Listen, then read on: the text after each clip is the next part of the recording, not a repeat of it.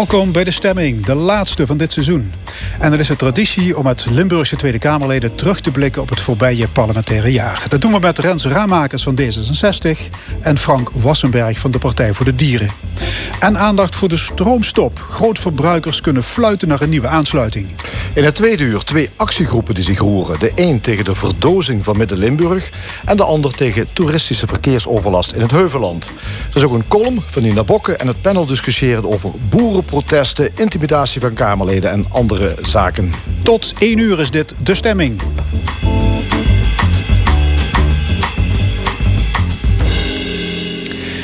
Nog een week moet de Tweede Kamer aan de bak. En daarna begint het zomerreces. In de stemming blikken we traditiegetrouw terug op het voorbije parlementaire jaar.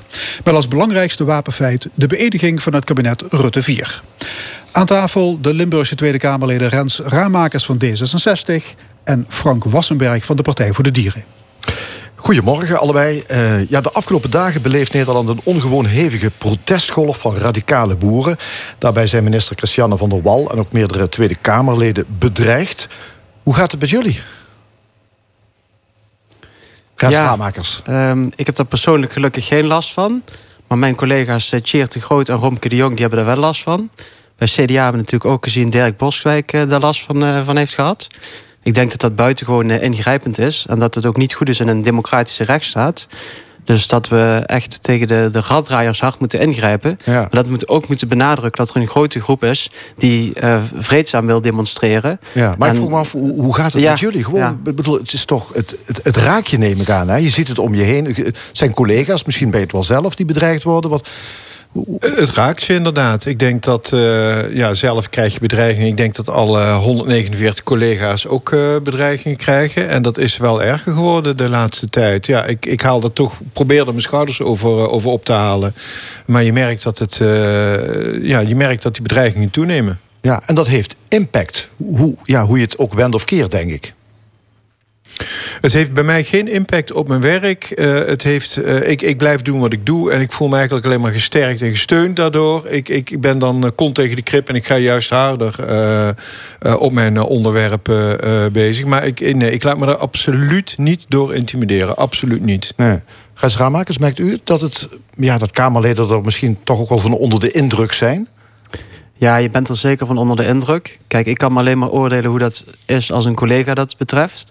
Maar ik zie dat nu dichtbij hoe dat bij mijn collega's in de D66-fractie gaat. En dat heeft gewoon impact. En je ziet gewoon uh, als mensen binnenkomen dat dat iets met hen doet. En dan doet het ook wat met jou als mens.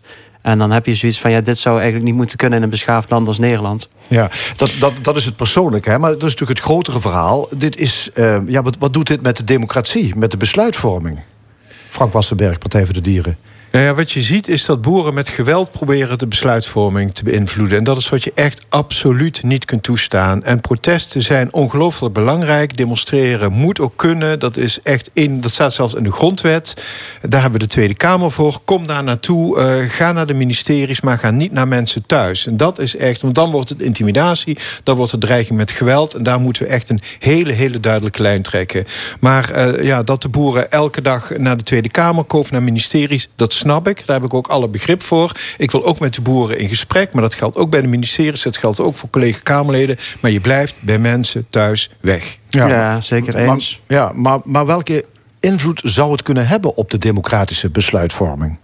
Nou, ik denk dat het uiteindelijk wel uh, ondermijnend kan werken. Omdat je gewoon ziet dat democratische vergaderingen niet door kunnen gaan. Ik bedoel, maandag wordt het hele land, uh, als ik het goed hoor, weer, weer platgelegd. Dat, dat, dreigen radicale boeren dat, althans Dat dreigen mee. ze mee. Ja.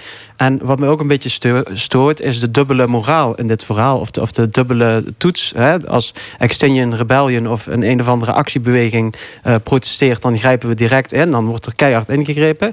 En bij boerenprotesten is het zo van ja, we kunnen niet ingrijpen. Terwijl ik denk van de politie kan wel degelijk ingrijpen als ze gewoon gaan beboeten. En als ze optreden, als ze de ME inzetten. Er kan wel degelijk meer gedaan worden, maar het wordt niet gedaan. Maar er is één gigantisch groot verschil tussen de acties van bijvoorbeeld Extinction Rebellion en de boeren.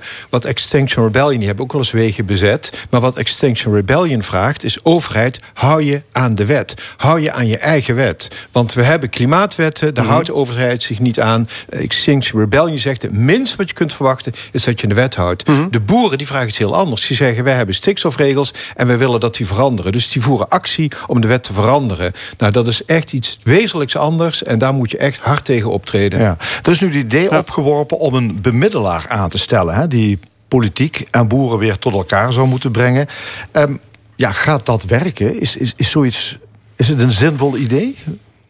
Ik zie daar zelf uh, heel weinig in. Uh, de overheid heeft nu eigenlijk al 40 jaar lang... wist wat, wat om, op ons af ging komen... en de overheid heeft 40 jaar lang eigenlijk heel weinig gedaan. Zijn na zijn stond op rood... en de overheid is gewoon doorgegaan... heeft de boeren een lijntje gehouden... heeft gezegd, jongens, we regelen het wel... we bedenken wel iets, dat komt goed, het komt niet goed. En als je nu weer opnieuw het praatcircuit ingaat... je gaat boeren opnieuw valse hoop geven... we zullen echt uh, de regels moeten veranderen... we zullen veel beter onze natuur moeten beschermen... dat hebben we afgesproken afgesproken, daar moeten we ons houden. En als je gaat zeggen, nou, we gaan nu met boeren praten om te kijken hoe een beetje minder of een beetje meer, dat heeft geen enkele zin. Je gaat boeren misleiden en je gaat ze voorhouden dat het allemaal veranderd kan worden. En we kunnen het niet veranderen. Ja, Rens Raamakers, D66? Ik denk ook dat het relevant is dat je nu op het Landbouwministerie al twee ministers hebt. Je hebt Christiane van der Wal en je hebt Henk Staghouwer. Daarnaast heb je nog een premier, eh, Mark Rutte, die deze crisis zich ook eh, mag aantrekken. Ook omdat, en dat klopt wat mijn collega zegt, er jarenlang niks is gedaan aan die verwaarlozing van de natuur. En we wisten jarenlang wel dat dat gaande was en we hebben er niks aan gedaan. Dus we hebben nu zoveel ministers die daarvoor verantwoordelijk zijn, dat um, die ook echt aan de slag moeten en, en fatsoenlijk aan de slag moeten. Ja, maar je zou ook kunnen zeggen, dit is misschien heel technocratisch gebracht allemaal. Dit is uh, vanaf uh, van achter de bureaus bedacht in Den Haag. Het wordt bij de boeren neer, uh, neergelegd, het wordt gedropt. mensen voelen zich niet ja, voelen zich niet begrepen. Hè? Dus moet je met een alternatief komen. Ja, dus, dus een bemiddelaar. En wat mijn, nou ja, wat mijn collega Tjeerd de Groot altijd zegt... is de, de kringlooplandbouw. Dat je op een andere manier produceert dat het minder slecht is voor de natuur. Ja, voor ja dat begrijp ik wel. Maar misschien is dat niet goed uitgelegd. Want die boeren zeggen, wij, wij nou, zien geen perspectief. Nou, je, je moet ze perspectief bieden. Maar wat je ziet, is als je naar de boeren kijkt... dan zie je dat in de afgelopen 40 jaar... het aantal boeren meer dan is gehalveerd. Je had 40 jaar geleden had je bijvoorbeeld uh, eh, 100.000 eh, melkveehouders. Dat zijn er nu minder dan 20.000. Daar is zelfs met 80% afgenomen. Er zijn niet minder koeien, want het aantal bedrijven dat er is... die is veel minder, maar die hebben veel meer dieren gehouden. Dat zie je bij de varkens precies hetzelfde. Boeren hadden hadden gegeven moment twee keuzes. Of ze zouden groter moeten worden, ook onder druk van bijvoorbeeld de Rabobank, of ze vallen om. Ja, dan, dus heel veel boeren zijn gestopt en de rest is groot geworden. Eigenlijk veel te groot dan verantwoord is. Je moet boeren helpen om om te schakelen naar een weer wat kleinere uh, productie. Meer voor de Europese en voor de Nederlandse markt dan dat alles naar het buitenland gaat. En je moet boeren helpen met een duurzame productie. je moet ze helpen om ze uit de klauwen van de Rabobank te bevrijden. Ja, maar dat, dat begrijpen die boeren dus niet, zeggen ze. Hè? Wij, wij zien dat perspectief niet. Het nou wordt ons niet geboden. Kijk, laat ik dit zeggen. Ik heb, toen ik nog gemeenteraadslid was in Leudal... heb ik ook vaker um, agrarische bedrijven bezocht. En ook daar gezien hoeveel men aan innovatieve eh, luchtwassers, et cetera, doet. En eh, boeren begrijpen niet het volgende. Dat ze zeggen van wij zijn er al zoveel mee bezig en toch is het niet genoeg. En ik denk dat we gewoon beter moeten uitleggen dat 60% van de stikstofuitstoot veroorzaakt wordt door de landbouw. Dat een groot deel van dat percentage vervolgens door de intensieve veehouderij komt. Dat al dat soort feiten, dat je daar wel innovatie aan kunt doen, maar dat het nog steeds niet genoeg is. Dat je harde keuzes moet maken en dat die veestapel, er zijn veel te veel dieren, dat die echt fors ingekrompen moet worden. dat zul je eerlijk moeten gaan uitleggen. Maar Rens, je noemt nou de luchtwassers, maar dat is juist het probleem. Dat zijn die technologische maatregelen. Ik heb een tijdje geleden een krantenartikel mhm. gevonden in 1988, 34 jaar geleden. Daar staat, VVD waarschuwt boeren, als technische maatregelen niet helpen, moeten we de veestapel krimpen. Die technische maatregelen helpen niet, die luchtwassers helpen niet. Boeren hebben daar tonnen in geïnvesteerd. Het werkt niet. Maar daardoor, daartoe zijn ze gedwongen door de overheid... en inderdaad met banken. hebben ze heel veel geïnvesteerd in technologische maatregelen. Die helpen niet. Dus die boeren voelen zich met de rug tegen de muur gezet. Mhm. Alles wat ze hebben gedaan helpt niet. Dus de overheid moet je nu zeggen... we stoppen met die, uh, met die verdere zogenaamde innovatie. Het helpt niet. Het kost alleen maar tijd. Het kost alleen maar geld. We gaan boeren helpen om om te schakelen naar een duurzame productie. Meer plantaardig. En als je dieren houdt, veel minder. En op een manier die recht doet aan het dier. Ja. Daar moet je ze bij helpen. op de veehouderij terug. Meneer Wassenberg, u zit nu zeven jaar in de Kamer. Uh, wordt uw werk lastiger, taaier? Dat is moeilijk om te zeggen. Nee, ik heb niet het idee dat het lastiger wordt. Want in de Kamer blijf je je eigenlijk op dezelfde manier uh, bezighouden met, met, met de onderwerpen. Je laat je wat dat betreft, als ik in de Kamer ben, laat ik me niet voortdurend beïnvloeden wat er buiten gebeurt. Nee, Natuurlijk. Nee, maar ik bedoel, u heeft niet het gevoel dat de samenleving ingewikkelder wordt? Poeh, dat is lastig. Ik weet niet of ik, of ik kan zeggen dat dat in de afgelopen zeven jaar is gebeurd. Want toen ik zeven jaar geleden Kamerlid werd, waren de problemen ook al immens. Ja, Raamakers, is het werk, het Kamerwerk, veel eisender geworden? Ik denk dat is het, het aanpoten? Het, het, is zeker veel eisend. Um, en er komen ook veel dingen op je af. Wat ik alleen zie is dat de problemen waar je um, mee te doen krijgt... bijvoorbeeld zoals ik die heb bij de jeugdzorg en bij de GGZ... het zijn ook, um, zoals we dat in bestuurs kunnen noemen, wicked problems. Het zijn problemen die heel moeilijk zijn op te lossen. Dus het zijn Kijk, bijvoorbeeld de, de wachtlijstenproblematiek is heel lastig op te lossen. Want wat kun je daaraan doen? Uh, want er is simpelweg te weinig personeel. En dan kun je als politiek wel weer de zoveelste motie gaan indienen... dat er meer personeel moet komen... of dat het systeem op zijn kop moet worden gezet. Maar dan ben je twee jaar later en dan constateer je bij hetzelfde debat... dat er eigenlijk niks veranderd is. Wicked problems. Ja. ja. Nu heeft uh, in december de commissie Kees van der Staaij uh, een rapport uitgebracht... waarin gepleit wordt voor versterking van de controlerende taak van de Tweede Kamer. Meer samenwerking, meer reflectie, meer tijd voor verdieping. Want die controlerende taak wordt niet optimaal uitgevoerd. Nou, je hebt natuurlijk een hele grote versplintering. Dat betekent dat je heel veel kleinere fracties hebt. Ik bedoel, de Partij voor de Dieren heeft nu zes kamerzetels. En dat was een paar jaar geleden een kleine fractie. Nu zijn we al een middelgrote fractie. We staan echt, we horen bij de, bij de, bij de, de grootste ja. fractie, bij wijze van spreken.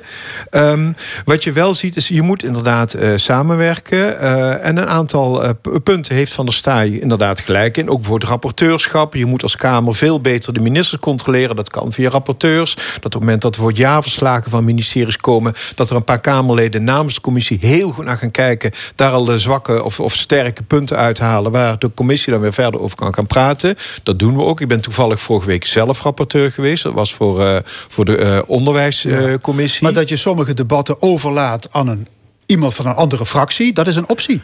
Maar dat, gebeurt, dat gebeurt ook al vaker. Ja. Uh, dat is toch ook positief? Dat ik zou zeggen, als je de samenwerking opzoekt... we hebben nu 20 partijen, dan is dat alleen maar goed. Maar ik heb bijvoorbeeld ook wel eens meegemaakt... dat ik een wetsbehandeling deed... en dat er vijf of zes partijen waren... bij behandeling van een wet in de plenaire zaal.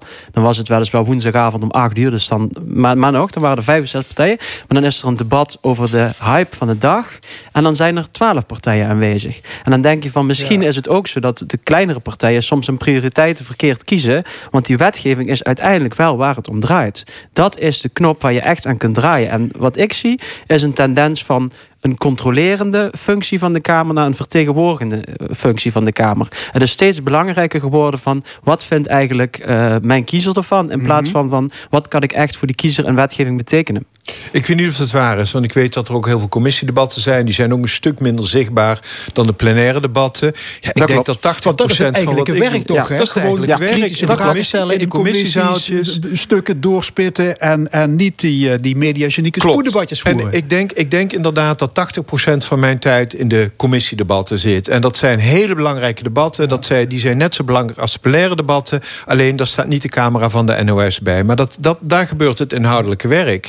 En dat doe ik en dat doen nog heel veel andere Kamerleden. Ja, maar er zijn ook ja. fracties die zeggen... nee, wij gaan pas aan een debat meedoen... als er de camera van de NOS bij staat. Want wij moeten dit allemaal breed naar buiten brengen. Maar het echte werk, het echte Kamerwerk... gebeurt juist in die, in die commissiedebatten. Ja. Goed, er is sprake van versplintering. Hè? Twintig fracties zitten in de Kamer. Je zou ook een kiesdrempel kunnen invoeren van pakweg 5% Ja, maar dat heeft Dan heel... houdt er nog maar acht over, hè, nee, hoor, dat heeft helemaal geen zin. Want als je nu gaat kijken naar bijvoorbeeld... we hebben nu de, de ene afsplitser naar de andere. We hebben er dit, dit jaar geloof ik... Wat, hoeveel zijn het er? Vier afsplitsingen geloof ik gehad. Zoveel, ja. dat, hou, dat hou je dus niet tegen. Uh, die oh, in de loop van de...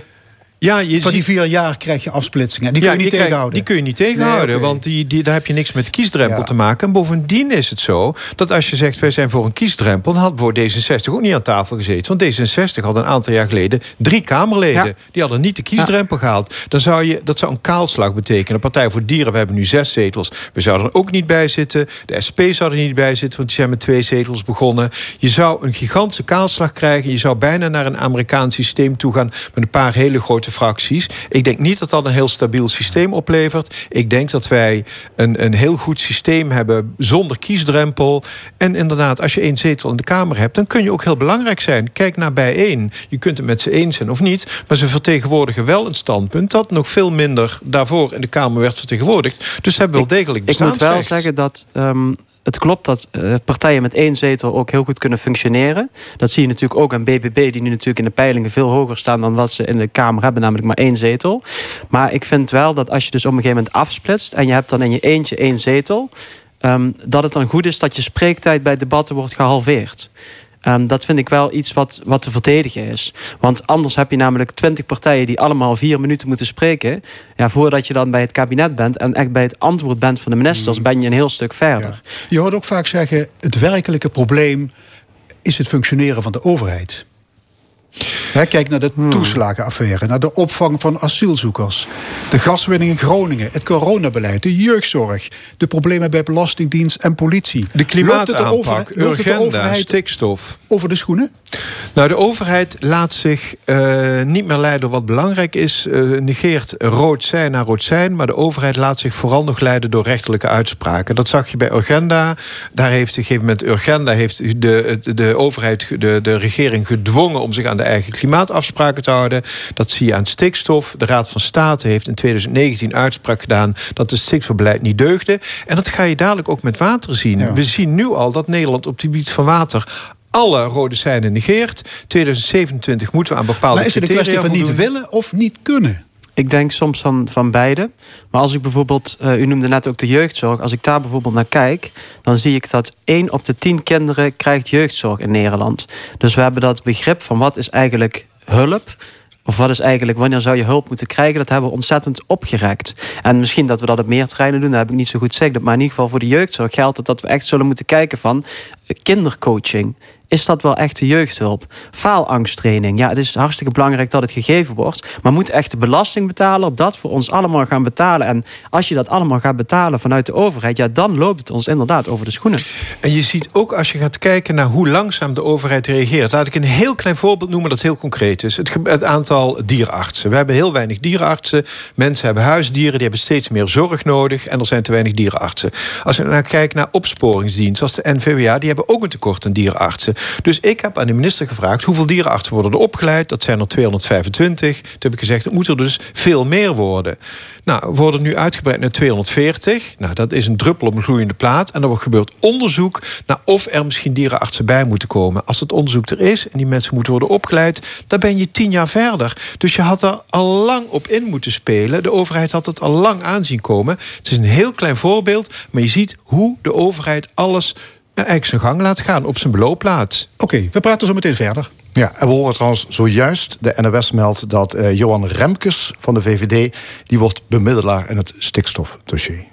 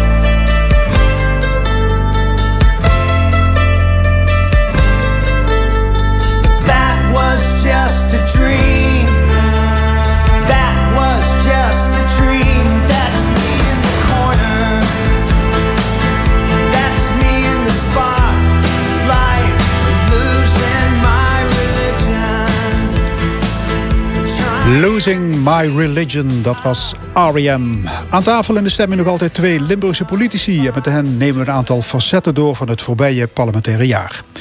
Ik stel ze nogmaals aan u voor. De Tweede Kamerleden Rens Ramakers van D66 en Frank Wassenberg van de Partij voor de Dieren. Ja, de Russische inval in Oekraïne heeft behoorlijk wat gevolgen voor de rest van de wereld. In Europa zie je op de eerste plaats dat de NAVO wakker geschud is. En uh, ja, Finland en Zweden gaan wellicht toetreden tot de verdragsorganisatie. Um, de lidstaten die gaan ook meer uitgeven aan defensie, is afgesproken. Hoe kijken jullie naar die nieuwe rol en die nieuwe positie van de NAVO, Rens Raamakers, D66? Nou, ik denk dat het heel goed is dat er nu een, uh, een extra uitgave van 5 miljard euro per jaar komt. 40% extra budget. Uh, de grootste extra uitgave sinds de Koude Oorlog. En ik denk dat dat vanuit Nederlands perspectief gezien gewoon heel goed is dat we dat doen. Maar dat onderstreept natuurlijk ook dat we in Europees opzicht en in NAVO-opzicht moeten blijven samenwerken en de krachten moeten bundelen. Want alleen samen kunnen we, kunnen we meer. Ja, dat is wel heel anders. Hè? Een jaar geleden hadden we het hier echt niet over. Hè? Defensiebudget met 5 miljard verhogen. Nee, dat zou, zou na een jaar geleden uh, geen enkel optie zijn. En uh, de Partij voor Dieren is kritisch op de NAVO. Alleen ja, nu uh, zien we inderdaad geen andere keus. Er komen landen bij, dus de NAVO zal sterker worden. Maar ja, dat gebeurt omdat we nu zien dat in Europa een, een, een land overlopen wordt door een, door een ander land. En dat is ook iets wat we in geen decennia gezien hebben. Ja, kunnen of moeten we de deuren nog open houden voor dialoog met Rusland? Is dat nog mogelijk? Ja, ik denk dat je altijd in moet blijven zetten op, uh, op dialoog. Uh, maar ik denk uiteindelijk dat de dialoog pas echt op gang komt als uh, daar ook in, in Rusland een ander regime komt. Dus ik denk dat we ook moeten hopen en moeten wachten op de interne kracht in Rusland. daar gebeurt natuurlijk ook van alles. Op dit moment mag je niet eens kritisch zijn op de oorlog, maar ik weet niet hoe lang Rusland dat nog vol kan houden. dialoog blijft uh, belangrijk. Want uiteindelijk moeten we proberen om dit toch uh, ja, zonder verdere oorlog te stoppen. Maar ik denk dat het heel erg belangrijk is... en wat er zelf in Rusland ook gaat gebeuren. Ja, dus op dit moment is dialoog niet mogelijk met Rusland. Uh, het lijkt me heel lastig. De verschrikkingen die we allemaal via de televisie uh, kunnen zien en via het internet. Ja, dat is, uh, is verschrikkelijk om te zien. Uh, kinderen die worden vermoord, volwassenen natuurlijk ook. steden die worden ingenomen en ik hoorde dat nu weer de volgende stad waarschijnlijk in handen van de Russen was. Um, dus dat. Um, ja, is gewoon een verschrikkelijke veldslag. En het is heel moeilijk om dan uh, te spreken van het begrip dialoog... als je ziet dat er zoveel verwoestingen plaatsvinden. Ja, ja bovendien ook de, de aard van de verwoestingen. Je hebt het over dialoog, maar je ziet dat er tientallen ziekenhuizen worden gebombardeerd. Ja. Inderdaad, instellingen waar ja. kinderen zitten. Dat zijn uh, zulke ontzettend grove mensenrechtenschendingen... en oorlogsmisdaden, dat ja, je vraagt je... Nogmaals, dialoog is belangrijk, maar je vraagt je af... waar moet je dan op korte termijn over praten? Dus ik denk dat die dialoog echt op gang gaat komen... als er dadelijk een, een ander regime in, in Rusland en, zit. En vooral het nemen van sancties, wat natuurlijk al in, in hoge mate gedaan is. Ja, Rusland ook uit de, de Raad van Europa gezet bijvoorbeeld. Maar al dat soort sancties die zijn genomen ook op economisch gebied ja, dat is denk ik hard nodig. Maar het, het, het baat niet voldoende. En dat is, dat is heel jammer. Nee, en dat betekent ook dat er allemaal veel harder op moet worden ingezet. Want ook Nederland kan hier veel meer doen als het gaat om, uh, om sancties. Ja, en dat uh, uh, Rusland uiteraard van Europa is gezet. Nou, ik denk dat Poetin daar geen traan om zal laten. Dus je moet gewoon kijken waar je hem keihard kunt raken. En dat is in de portemonnee. Voorkomen ja, dat we als Europa, ook, ook, als Nederland, die hele oorlog financieren. Ja. Het is natuurlijk maar de vraag of, daar, of er een nieuw regime op ja, enige termijn gaat komen. Rusland kent natuurlijk een hele lange geschiedenis van autoritaire regimes. ja, het zou ook zomaar kunnen zijn dat de wereld opnieuw verdeeld gaat worden tussen democratische landen en autocratische staten. Aan de andere kant, dan heb ik het over Rusland en China. Dat we zo'n verdeling ingaan de 21ste eeuw. Ja, en dan krijg je dadelijk een, ja. een Koude Oorlog 2.0. Ik ja. denk niet dat dat een, een fijn vooruitzicht is. Ja, maar onoverkomelijk. Ja, wat is het alternatief? Hè? Ja. Dus een heel triest uh, vooruitzicht. Zeker ook wat er in China nu gebeurt aan ontwikkelingen. En ook uh, als je kijkt in Hongkong hoe dat gaat, dat is ook niet, uh, niet al te best. Uh, dus dat zijn geen fijne vooruitzichten. En het, het einde van de conflicten, zoals dat ooit door Francis Fukuyama werd beschreven. Het einde van die ideologie, het einde van. Nou, dat is allemaal het niet einde uitgekomen. Van de geschiedenis zelfs, einde van de geschiedenis, ja. zei hij zelfs op een gegeven moment. Ja. Dus dat is allemaal niet uitgekomen. En we zien nu gewoon dat we dingen die we nooit hadden kunnen voorspellen Uh, want wie had kunnen voorspellen dat Rusland op deze wijze Oekraïne zou binnentreden? Nou, dat had bijna niemand kunnen voorspellen. En, en toch is het allemaal gebeurd. Ja, en, dat, het, gaat, het gaat ons direct raken. Uh, Duitsland houdt er nu al rekening mee dat er inderdaad op, uh, ja, op enige termijn helemaal geen gas meer vanuit Rusland deze kant opkomt. Dat gaat ook Nederland natuurlijk raken. Dus wat wordt dat voor een winter? straks zonder gas, mensen in de kou. ja, als je nu al kijkt naar de boerenprotesten. Ik bedoel, wel, welke, ja, wel, welke dynamiek, welke sentimenten komen er dan los als dat zou gebeuren? Nou, wat je moet doen is op het moment dat we dadelijk minder gas hebben, we zullen daar minder gas krijgen, moet je natuurlijk meteen je prioriteiten stellen. Uh, mensen zullen niet zonder gas komen te zitten. Wat je meteen moet doen is kijken naar welke industrie in Nederland gebruikt het allermeeste gas en zijn het meest verspillend. Dan kom je al heel snel op de kunstmestindustrie. Dus als je die als eerste afkoppelt, dan win je al heel erg veel. Maar je moet voorkomen dat mensen in de kou komen te staan. Dat kun je voorkomen. Uh, er zijn meer als je gaat kijken naar gigantische uh, grootverbruikers... als bijvoorbeeld een, uh, een Tata Steel. Maar ook als je gaat kijken hoeveel gas nog wordt gebruikt... om in de winter kassen te verwarmen voor tuinbouw... Die, waar je ook eigenlijk op een veel betere en duurzamere manier mee om kunt gaan. Dus je kunt heel veel winnen door een aantal grootverbruikers... en verspillende gebruikers uh, af te koppelen. Dan voorkom je dat mensen dadelijk uh, kou hebben in, uh, in de winter. Want dat moet je inderdaad voorkomen. Ja, inmiddels stoken we die gascentrales, gaan we weer opstoken. Of, sorry, de, de kolencentrales.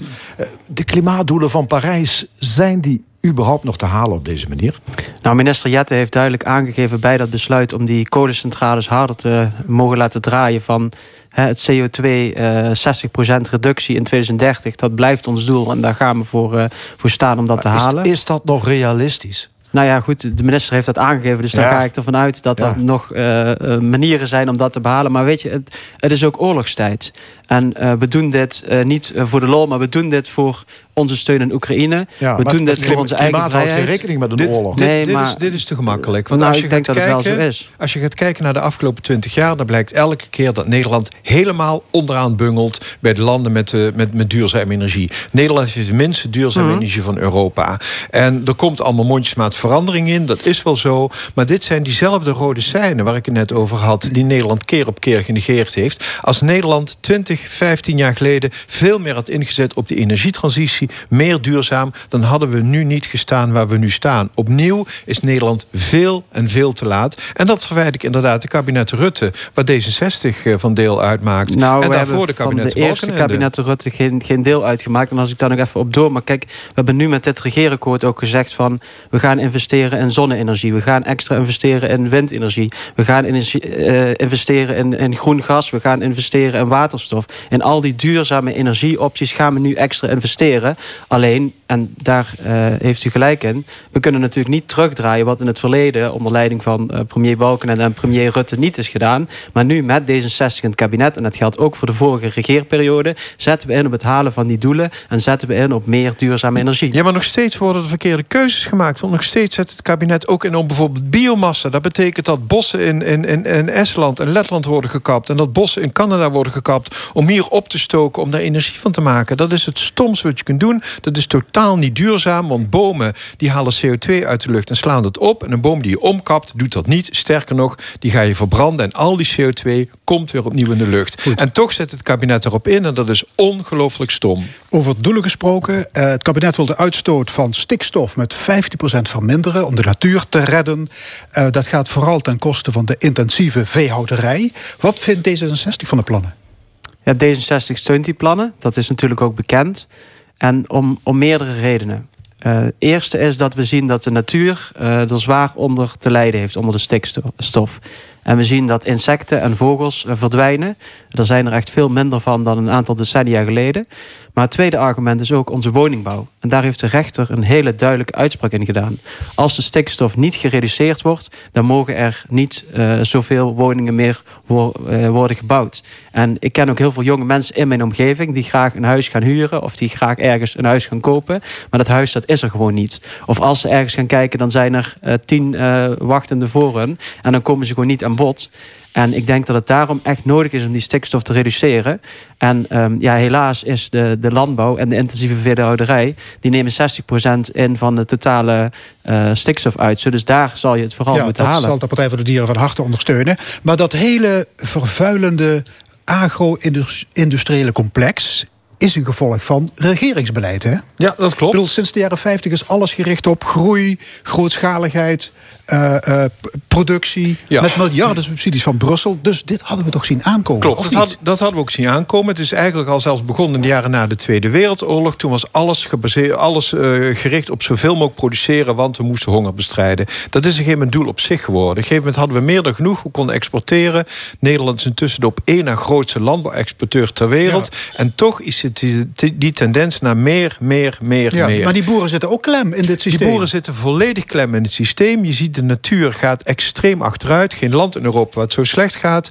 Rens noemde net de insecten. Maar door die insecten gaan we dadelijk ook problemen krijgen in de landbouw. Want die insecten zijn bestuivers. En daar gaan we dus ook problemen mee krijgen.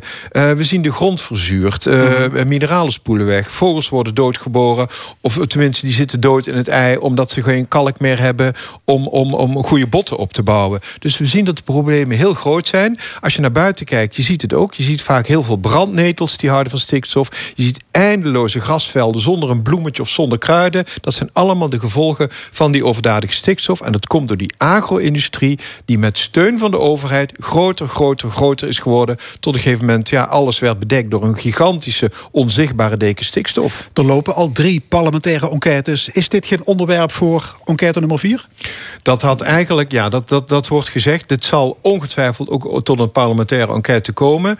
Ik denk dat, dat, uh, dat je uh, ja, nu zou vier parlementaire enquêtes nee, dat is, is niet werkbaar voor de staf, veel. denk ik. Want het is, nou ja, en bovendien, je moet al die parlementaire enquêtes ja, ook bemannen met Kamerleden. Dus het kost gigantisch veel tijd. Dus als je dadelijk drie, vier parlementaire enquêtes hebt, ja, je, je legt de Kamer voor een deel lam. Hoe belangrijk het ook, uh, ook is. Maar hier zal zeker een parlementaire enquête over komen. En liever snel dan uh, langzaam. Raammakers mee eens? Nou, ik denk dat je dus eerst vooral nu die acute problemen die er zijn voor de natuur en voor het aantal woningen wat je kunt bouwen, dat je dat eerst moet oplossen.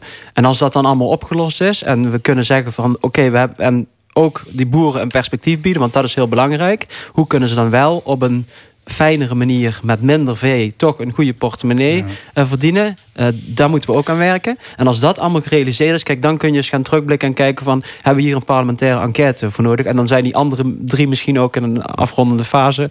Um, dus dan zou dat goed uitkomen. Goed, we moeten ook minder uh, CO2 uitstoten om de planeet te redden. Is dat haalbaar zonder het roer radicaal om te gooien? Ja, volgens de berekeningen van het coalitieakkoord wel. Ik noemde al een aantal duurzame energiebronnen die we willen doen. En in het coalitieakkoord staat ook genoemd van nou, 2030 willen we dit doel behalen, 2040 willen we dit doel behalen. Maar ook beginnen met onze leefstijl te veranderen. Minder consumeren, vervuiling doorbreken en de prijs, dat, dat soort dingen. Dat hoort er ook zeker bij. Er eh, staan ook maatregelen van in het coalitieakkoord.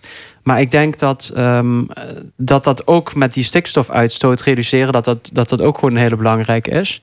En we rijden natuurlijk allemaal 100 km per uur op de snelweg... wat ook uh, zijn bijdrage levert. Laten we dat niet vergeten. Ja.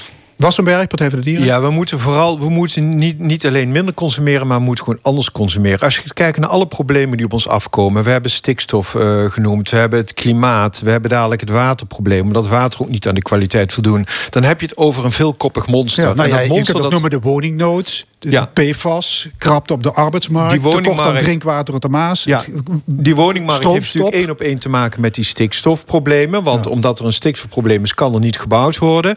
Maar het is echt een veelkoppig monster. En ik denk dat als we die vee-industrie flink gaan aanpakken... en we zorgen dat boeren perspectief hebben... dat boeren op een veel duurzamere manier plantaardig kunnen verbouwen... dan zijn we het stikstofprobleem kwijt. We zijn bovendien ongelooflijk veel minder CO2 gaan we uitstoten. Dus we kunnen het klimaatprobleem tackelen... en we gaan een veel betere waterkwaliteit krijgen. Dus, dus al die problemen hangen met elkaar samen? Die hangen met elkaar samen, absoluut. Ja, dat denk ik ook wel.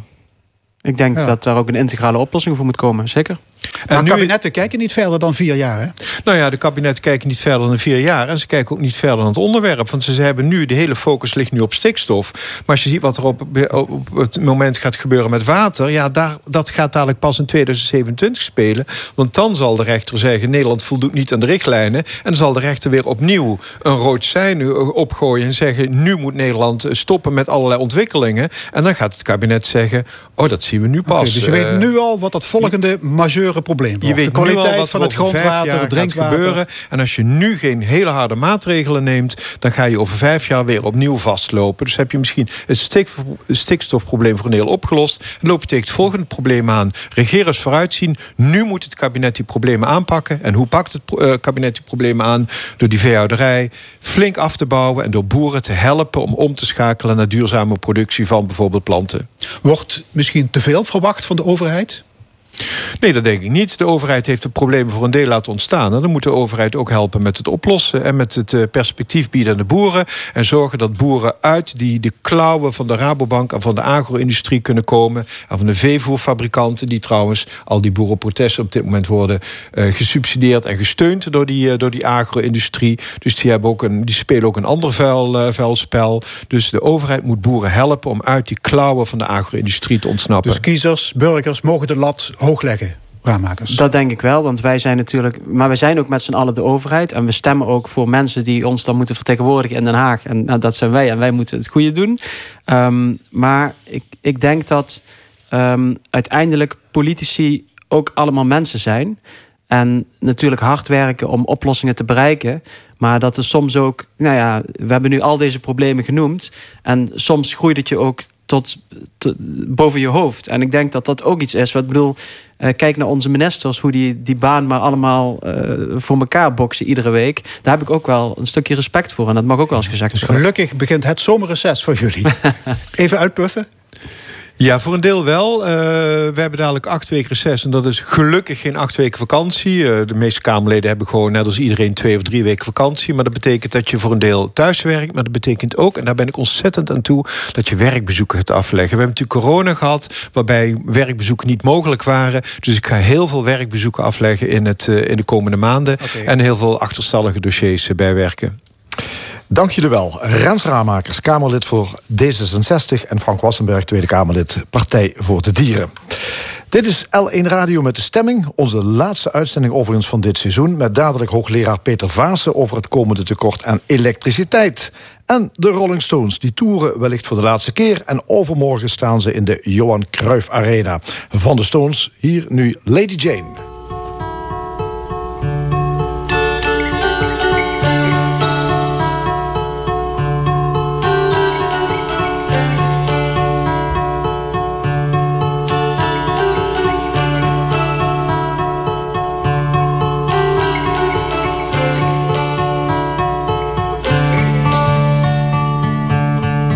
My sweet Lady Jane.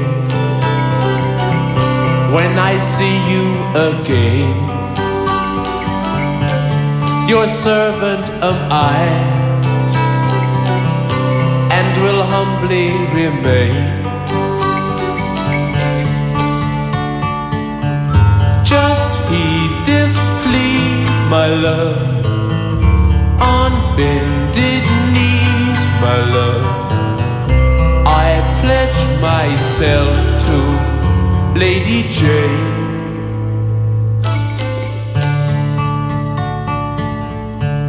My dear Lady Anne,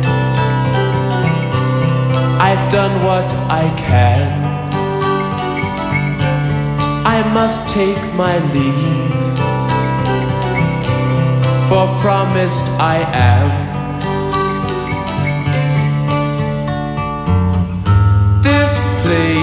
Is run, my love. Your time has come, my love. I pledge my troth to Lady Jane.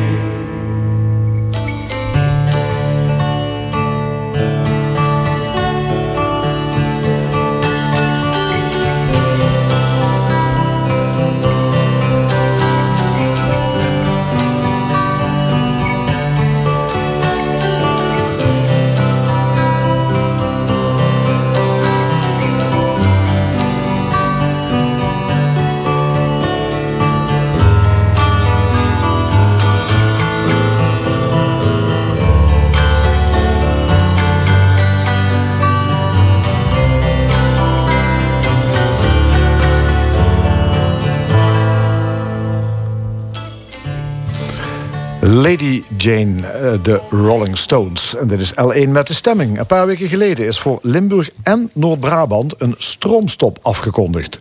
Nieuwe bedrijven die krijgen geen aansluiting meer op het stroomnet. Dat zit namelijk aan zijn maximale capaciteit.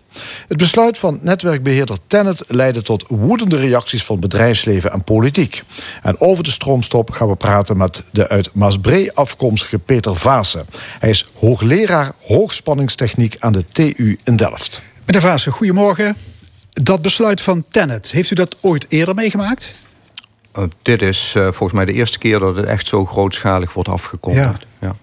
En kwam het voor u als een verrassing? Eigenlijk niet. Je kon, je kon het natuurlijk wel al lang geleden zien aankomen. Toen natuurlijk de hele duurzame energieontwikkeling een uh, vlucht begon te nemen. We hebben het natuurlijk ook gezien van, uh, nou ja, goed, uh, je kent het, de economie gaat een beetje uh, op en neer. Hè, en op het moment is daar opportunisme. Hey, we willen natuurlijk nu extra aansluitingen hebben, we willen groeien, et cetera. En daar komt natuurlijk ook nog bij dat aan de andere kant is natuurlijk er een zeker koopmansgeest binnen Nederland. Hè. Het mag ook niet te veel kosten. Dus eigenlijk is het probleem ontstaan, ik denk ergens in de jaren, eind jaren 90, begin 2000, toen de markt geliberaliseerd wordt. En het, uh, het idee was, de markt doet zijn werk. De energieprijzen worden vrij. Producenten kunnen aanbieden. Netwerkbeheer wordt gereguleerd. Wordt dus uh, betaald vanuit door de gebruiker. En het, uh, de drijfveer was toen, ja, die kosten willen we graag zo laag mogelijk houden. Dus bezuinigen heren netbeheerders. Uh, hmm. nut en toen noodzaak. begon het te piepen en te kraken op het net? Uh, nee, toen nog echt niet hoor. Dat okay. kwam veel later. Dat kwam later. Hey, maar u zat aan dit programma in oktober 2020. En ja. toen al zei u... de hele infrastructuur moet op de schop. Klopt. Omdat de vraag naar elektriciteit enorm zal stijgen. Klopt. U had het over vijf keer zoveel. Ja, nou vijf is misschien overdreven. Maar het wordt, uh, in, in 2050 hebben we zeker uh, drie keer zoveel elektriciteit nodig ja. als nu. Maar als u dit weet, dan weet netwerkbeheerder Tennet dat toch ook? Tuurlijk. Dus Tennet uh, breidt al heel, heel hard uit. Maar er zijn natuurlijk een paar problemen die de uitbreiding uh, een beetje hinderen. Dus niet alleen Tennet, maar ook de netbeheerder. Hè. In Limburg is het Inexus, die moet ook uitbreiden.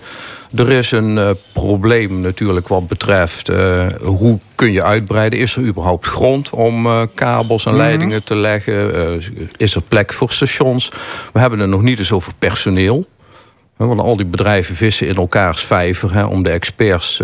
Dus mensen die die hoogspanningsmasten ja. moeten aanleggen en die kabels ja. moeten trekken. Dat is één pool. Okay. En nou ja, op het moment uh, dat een, een, netbeheerder in access mensen nodig heeft, zal die zeggen: Goh, ik ga wat uh, meer betalen. En dan gaan ze weg bij Tennet of Alliander. En dan, ja, dus dat is een beetje een, ook een ja. kip-ei-probleem. En je hebt hoogspanningsmasten nodig, Klopt. verdeelstations. Ja. daar heb je vergunningen weer voor nodig. Klopt. Maar ja, er is geen burger die zo'n ding in de achtertuin nee, wil hebben. dat klopt. En die gaan procederen en dat wordt het weer eindeloos. Ja, dat dus, dus daar had Tennet eigenlijk allemaal mee te maken met dit soort praktische ja. problemen. Ja, de vergunningenprocedure is natuurlijk heel zorgvuldig en gedegen in Nederland. Dat wil zeggen, het moet er inzage worden gelegd. Iedereen kan um, daarop reageren, in beroep gaan, et cetera.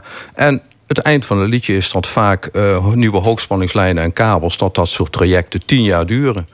En dan kun je nu wel zeggen van ja, we willen het nu oplossen. Nou ja, ja, dan begin loopt het vast en dan moet je dan ja. paardenmiddel gebruiken. Kunt, u, kunt u uitleggen waarom de vraag naar elektriciteit zo is geëxplodeerd? Ja, het is, uh, het is een combinatie van factoren. Een van de dingen is, we willen elektrificatie van het vervoer. Dus uh, de elektrische auto's komen eraan. En een elektrische auto is natuurlijk best wel een grote verbruiker ja. voor huishoudens. En we willen en, allemaal de telefoons opladen en, en inductie ja, dat, koken, dat, dat soort valt dingen. wel mee, maar er zit ook de, de drive van de industrie om te elektrificeren en te verduurzamen. Dus die willen voor een deel af van het gas en de kolen. En een optie is naar elektriciteit. En dan moeten we denken aan Gemmelot bijvoorbeeld. Ja, bijvoorbeeld. Glastuinbouw, Noord-Limburg. Ja, die willen uh, nieuwe kabels uh, en, en verbindingen. Maar ook bijvoorbeeld huishoudens die, die denken van... ja, misschien moet ik wel elektrisch gaan verwarmen. Warmtepompen gaan gebruiken. En dat kost allemaal elektriciteit. Allemaal stroom die gebruikt moet worden. Dus we zien de vraag stijgen. Ja, en wie zijn nu de dupe?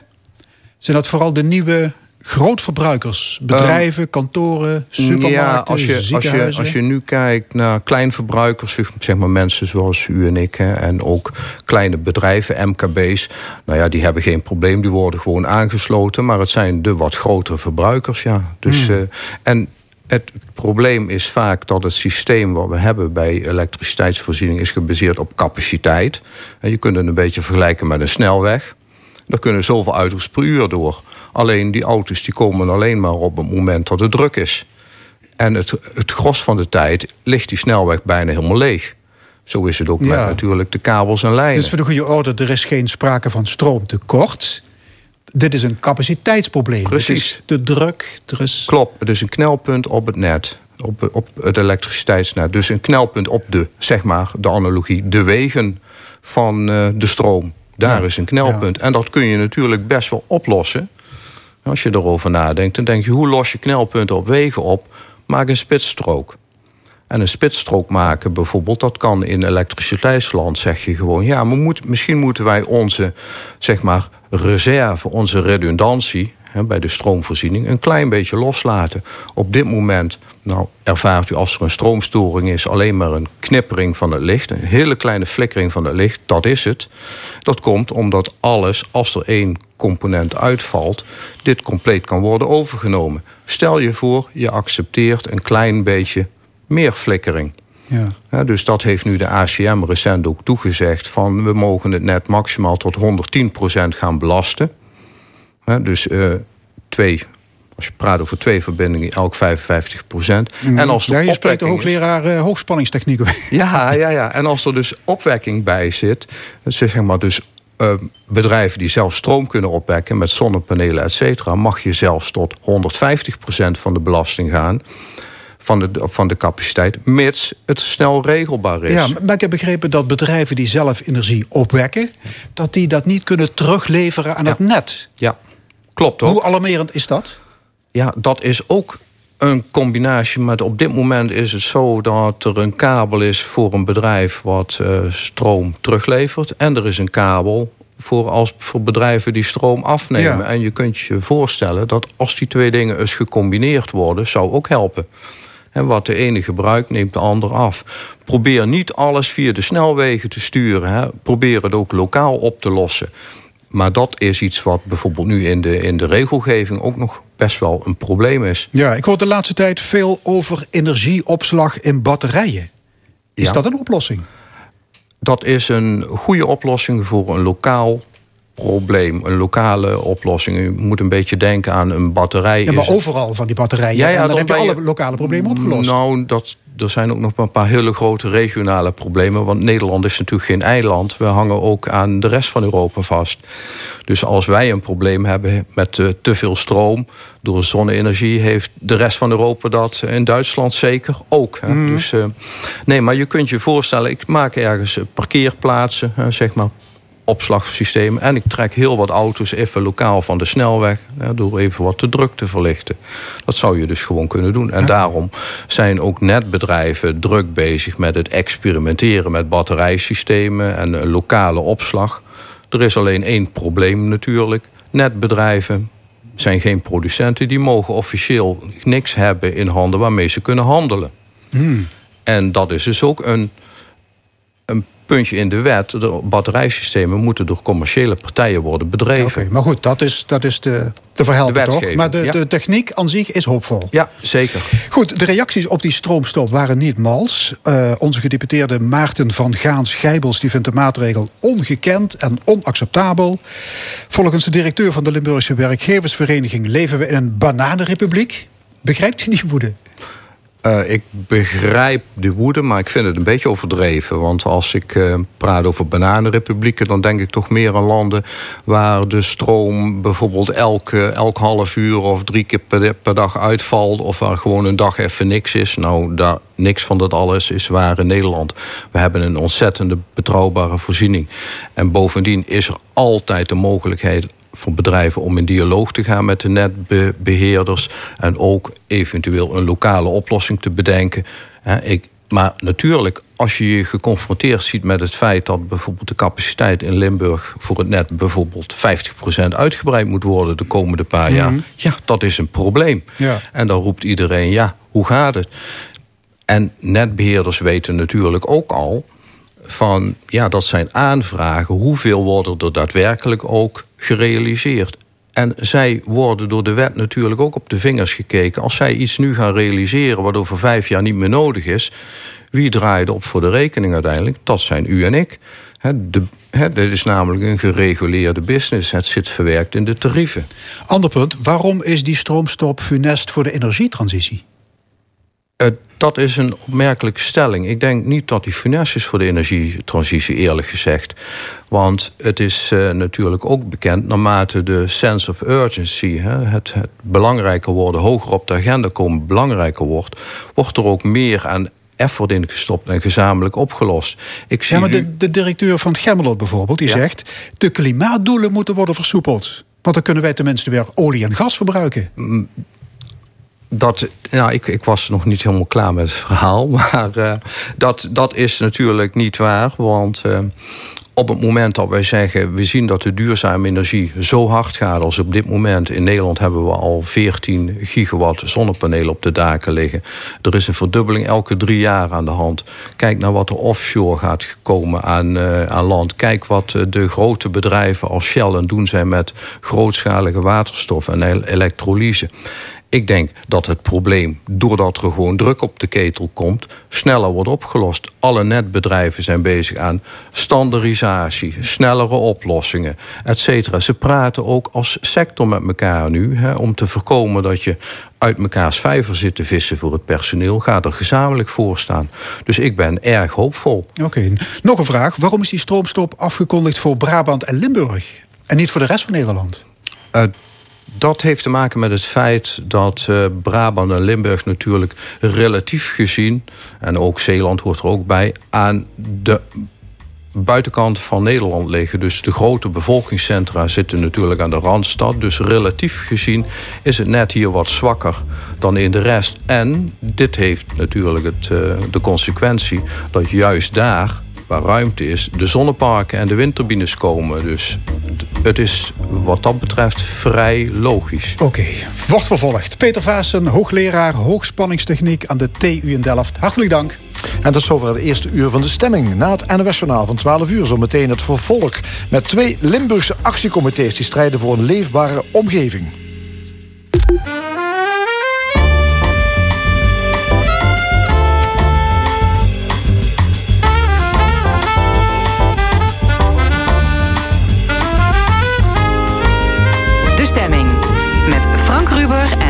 Geraerts.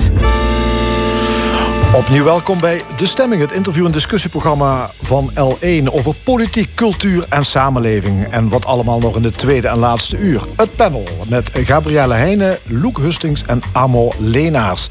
Dit discussieert over de overval op de TFAF en andere actuele zaken. Er is ook een column van Nina Bokke, maar eerst onbehagen in het buitengebied. Deze week lieten twee actiegroepen van zich horen. Inwoners van het Heuvelland dringen aan op strenge maatregelen om de verkeersherrie van gemotoriseerde toeristen aan te pakken. En een echt zusteren komen bewoners in het geweer tegen de oprukkende verdozing van hun regio. Aan tafel de heren Willem Helmes en Ton Slijpen. Ja, allereerst de megaloodsen. Die rukken nog steeds op in het Limburgse landschap. De gemeente Exusteren heeft zelfs plannen om meerdere loodsen te plaatsen langs de A2. En Ton Slijpen, die is het helemaal beu. Die is het actiecomité begonnen om de bouw van deze loodsen tegen te houden. Online loopt er al een petitie. Goedemorgen, meneer Slijpen. Uh, goedemiddag, meneer Slijpen. Goedemiddag. Uh, een actiecomité. Ja. Want? Want? Uh, want, uh, nou, dit is uh, eigenlijk uh, de hele gemeenschap. in Erg is dat plan van de gemeente. wie in een koude douche op het lief gevallen. En er zijn dus, ja, er zijn, ja, mensen hebben zich verenigd. Ja, het gaat over alle politieke partijen hierher. Hè, want het is geen politiek verhaal. Dit, voor ons althans, dit is een, dit is een verhaal waar de burger eigenlijk. Uh, totaal uh, geen enkel voordeel heeft van het plaatsen van die loodsen. En eh, op de tweede plaats, of misschien wel op de allereerste plaats, is dat ons een beetje vernacheld vullen door het gemeentebestuur. Omdat die, eh, deze plannen, die waren al toch zeker wel twee tot drie jaar eh, in ontwikkeling zijn. Hè? Dat die dus eh, A, niet voor de, niet voor de eh, verkiezingen eh, naar boete zijn gebracht. Dat is een tactiek, die wordt wel dukker gehanteerd door, eh, door politici. Maar twee, dat ze ook dat wel nog in het coalitieakkoord hebben opgenomen. En drie, dat zelfs de raadsleden er niks van af wisten. Nou, dat is uiterst vreemd. Ja, het is dus opeens als een soort duvel uit een doosje is het gekomen en dat ligt het plan. En daar leek het. En men gaat er zelfs van oh, nou, er is dus geen burgerparticipatie geweest. Het bestemmingsplan moet nog aangepast worden. De vergunning moet nog verleend worden. En de projectontwikkelaar uh, Into Space uit Oosterwijk... Uh, die zijn al volop aan het adverteren met dit project. Ja, wie van u hebben de petitie tegen de komst van die megaloodsen inmiddels ondertekend? Vanmorgen wordt er uh, 740, geloof ik. Maar er komen nog wat acties de volgende week ook met zeilen. En, want in, in Susteren speelt je er ook. Hè? Daar is ja. het samen. Ja, maar leg eens even uit. Wieveel van die megaloodsen zou er moeten komen als het in de gemeente ligt? Nou, in, in, in Susteren zou één grote loods komen. Uh, op 4,4 hectare. Uh, in Eich zelf, langs, uh, dus langs het Julianenkanaal en aan de andere kant de A2, daar zou er uh, eigenlijk vier grote lo loodsen komen op 10 hectare. Uh, er is 4 hectare is er nu industriegebied van. Want daar zit Michel Opree met zijn natuursteen en Baars met de steenbrekerie. Ja, die zullen nu dankbaar zijn dat je dit even zo zegt. Ja. nou, ik, er is geen sponsoring oh, in het spel. Dus, ja. de, maar om even voor de mensen duidelijk te maken waar hem daar al ja. zit. Er zijn dus 6 hectare die wat al inmiddels in handen zijn van Interspace. Ja. En... Dat, en, dat, is langs de, de A2? Langs, de, nee, langs het Julianenkanaal, tussen het Julianenkanaal en de A2 in. Ja. Wat zijn de bezwaren van u? Waarom zouden die loodsen er niet moeten komen? Nou, een aantal redenen. Nou, de, de eerste reden die door de projectontwikkelaar en de gemeente aangevoerd wordt... is dat er, er zo weer 640 arbeidsplaatsen komen door die loodsen. Nou, de geschiedenis met Action uh, in want die hebben ook een heel grote loods. Daar liggen nou het aangetoond dat, dat, dat die 640 arbeidsplaatsen nooit bezet waren door uh, mensen uit, uit. Want zelfs Action, die wat me overigens de Zwijk gebeld hebben om een nadere uitleg, die hebben tegen me gezegd, nou, weer gebroken arbeidsmigranten omdat er in eigen land geen mensen wonen die dat werk willen doen. Dus, dus, dus er waren loodsen die werden geboet... en dan komen de arbeidsmigranten van elders in Europa komen er werken. Die komen er werken, ja. Want ja. er zijn geen mensen te krijgen. Ja. we hebben niet, een, uh, geloof ik, 20 of 30.000 uh, vacatures. En uh, ja, die kennen nog niet ingevuld werden. Dus dat ja. zeker niet. Dat is één. Dus dat zijn de, de arbeidsplaatsen die er zo komen. Dan zeggen ze, nou, het wordt groen voor groen. Nou, als ze die presentatie van Intospace u zei... ja, dat zit er zo gelijk doet. Ik heb het gezien en er staat allemaal groen langs die gevels eigenlijk, hè, ja. van, van die loods. Ja, uh, daarbovenop... Dus ze werden ingepast in, in het landschap nou, in het groen. Dat is geen inpassen, want het is dan nu groen. En groener dan groen, dat geeft, nou, ons mening, uh, geeft dat gaan. Hè. Nou, het derde misschien wel het grootste probleem is dat... Uh, dat, heet, uh, dat is een heel kleine rotonde door, uh, in dat gebied waar, zeg, waar dat al dat verkeer overheen moet.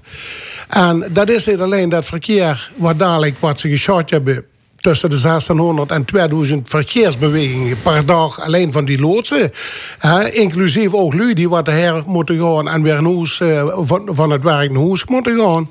Maar de Kembogen, door hier een klein 400 meter vanaf, Kembogen, een Jumbo XL te liggen. Of een XL ja, Jumbo. Dus gigantische verkeersoverlast. 2500 bezoekers per dag schouwt men door. Want er liggen er al veel van in Nederland. En dat het uitgewezen dat dat een enorme publiekstrekker wordt. Er komt neven de A2 komt nog een hotel te liggen is onlangs besloten. Nou, dat uh, kan zo goed gaan van 400 uh, bewegingen per dag.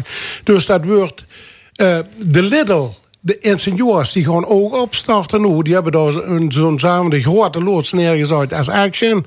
Uh, en die beginnen nu dat op te starten. En dan komen, dat komt dus allemaal bijeen. De A2 dat gaat toelopen naar OCD.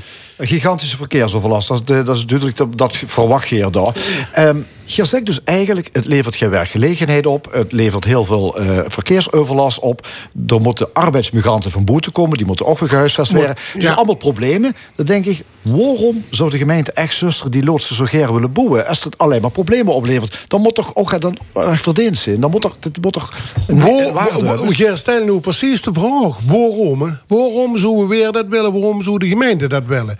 Nou, dat kan geen, geen duidelijk maken. We hebben berekend, of GroenLinks, daar hebben we al een berekening gemaakt... dat als dat die, al die loodsen, als, als die volledig bezaaid zijn... eh, dus dat dat helemaal zeg, verhuurd is...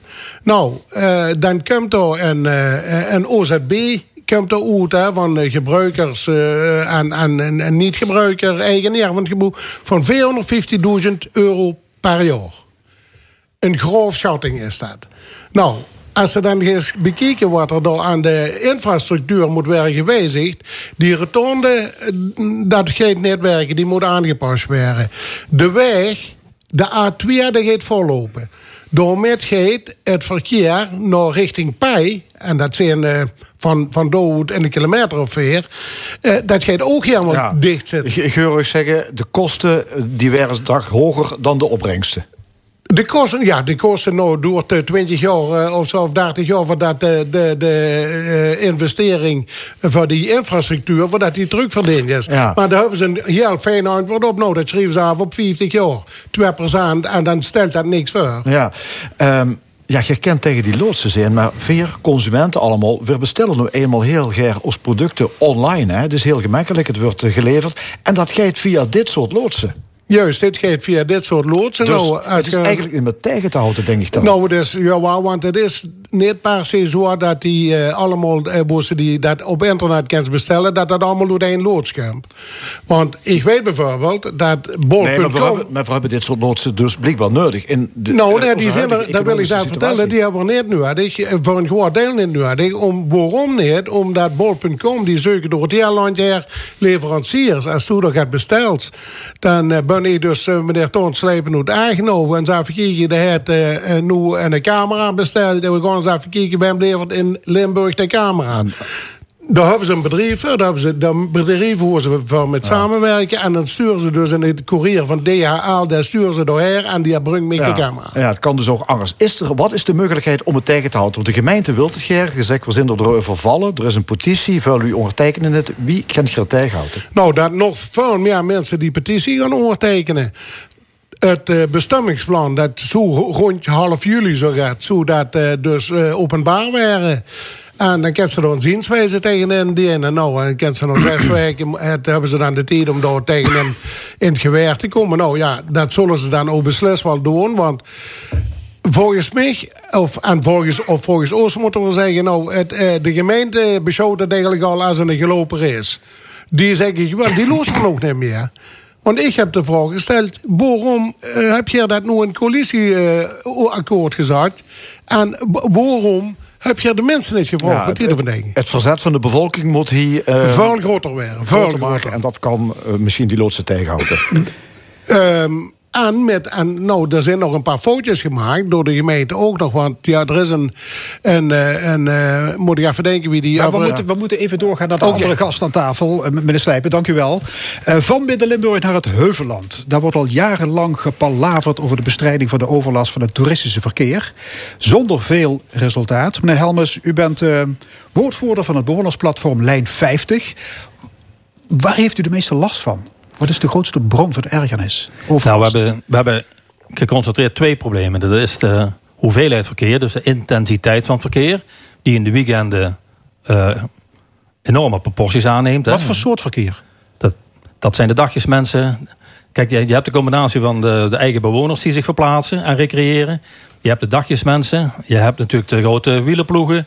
Je hebt de grote groepen motoren, autoclubs, kitelerclubs. Dus het hele Heuvelland loopt vol met enerzijds eigen mensen die gebruik maken van de wegen van het Heuvelland. En anderzijds eh, een geweldige selectie aan gasten. Ja, ik heb begrepen dat er mensen zijn die brul uitlaten op hun eh, motor of auto monteren. Kijk, als je nou de prioriteiten van waar hebben we nou de meeste last van. De ene ergert zich aan schreeuwende mo- mountainbikers. En de ander ergert zich aan fietsers die met vier naast elkaar de wegen bezetten. Maar als we eerlijk zijn, dan kun je dat afpellen tot... Wat is nou het grootste probleem? Dat is in elk geval de herrie.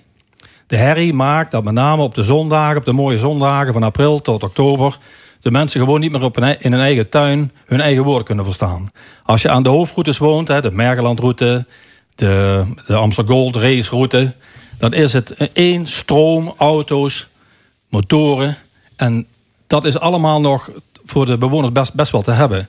Maar als ze daar bovenop een gigantische partij herriemakers, brulmotoren, voertuigen die met 106, 110 dBA door het heuvelland brullen, ja, dan is dat terreur. Ja, heeft een horecazaak aan de doorgaande weg van Nee, nee, ik Meer naar Noorbeek. Nee, wij, wij Is, is wonen- dat af en toe TT-achtige achtige taferelen? Ja, op, eh, er zijn dagen bij dat we 3000 motoren tellen. 3000. En eh, een paar honderd eh, brommetjes, autoclubs, oldtimerclubs. Eh, maar ook gewoon uit België, Duitsland, Nederland, autoclubs die met brulauto's eh, eh, van het Heuvelland en een dat komen om, maken. om, om opzettelijk zoveel mogelijk kabaal te produceren Nee, met dat- die brul kijk, uitlaten. Er zijn een miljoen motoren in Nederland.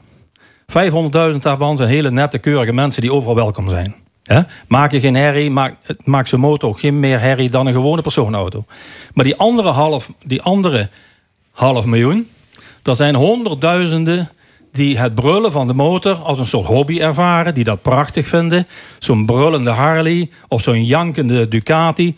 Een geweldige eh, eh, kick krijgen van het geluid van die motor. Maar daarmee verzieken ze de leefkwaliteit Ja. en de leefbaarheid in het Heuvelland. Dat zijn de ASO's. En daarnaast heb je, wat u net zei, kolonnes, eh, oldtimers, tractoren, Vespa's. Die, Ja. de, die de Mergelandroute volgen. Ja. En dat gaat de hele zomer door. Zaterdag en zondag.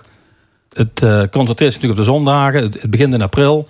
Als het eerste mooie weekend is aangekondigd, gaat iedereen zijn, zijn hobby, voertuig, zijn motor of zijn, zijn Porsche of zijn oldtimer uit het vet halen, poetst hem en komt naar het Heuvelland om, eh, om dat prachtige landschap te genieten. En gebruiken dan het Heuvelland enerzijds als een soort rallycircuit of als een racebaan. En brullen door de dorpen, zodat de mensen hun eigen woorden niet meer kunnen verstaan in hun eigen tuin. Er zijn stapels rapporten gemaakt. Ja. Eh, een jaar geleden zat u trouwens ook hier aan tafel. Ik zat op dezelfde Samen met de, ja. wet, met de wethouder van Vaals. Welke maatregelen zijn er in, in het afgelopen jaar gemaakt? Kijk, we waren destijds onderdeel van het project, opgestart door de drie Lijn 50 gemeentes. Er was verantwoord op weg. Daar is Ja, de geïnventariseerd lijn wat het 50 probleem is de bus van... Nou, dat zijn in principe IJzermargraten. Gulpen-Wittem en Vaals. Ja, Dus die hele lijn langs de Belgische grens tot Vaals ehm, is daar onderdeel van. Nou, daar is een inventarisatie gemaakt door een groot aantal betrokken burgers. Waar de problemen eh, zich manifesteren. Dat is opgepakt door de diverse, die drie gemeentes. En er zijn een klein aantal maatregelen voorgesteld. die helaas zonder veel ruggespraak met bewoners. wellicht met andere stakeholders, maar dat weet ik niet. zijn er een paar maatregelen genomen. Pilots noemen we dat. ja, er zijn hier en daar wegen afgesloten. Er zijn hier en daar wegen afgesloten. Kort en goed, verder is er, er nog niks gebeurd. Maar die de wegen zijn afgesloten. Maar goed, als je weg 1 afsluit... dan rijdt alles via de buurman. En wordt het bij de buurman twee keer zo druk. Natuurlijk is het ook zo, als je een weg afsluit... dan moet je van tevoren wel heel erg goed beargumenteren... wat de gevolgen daarvan zijn.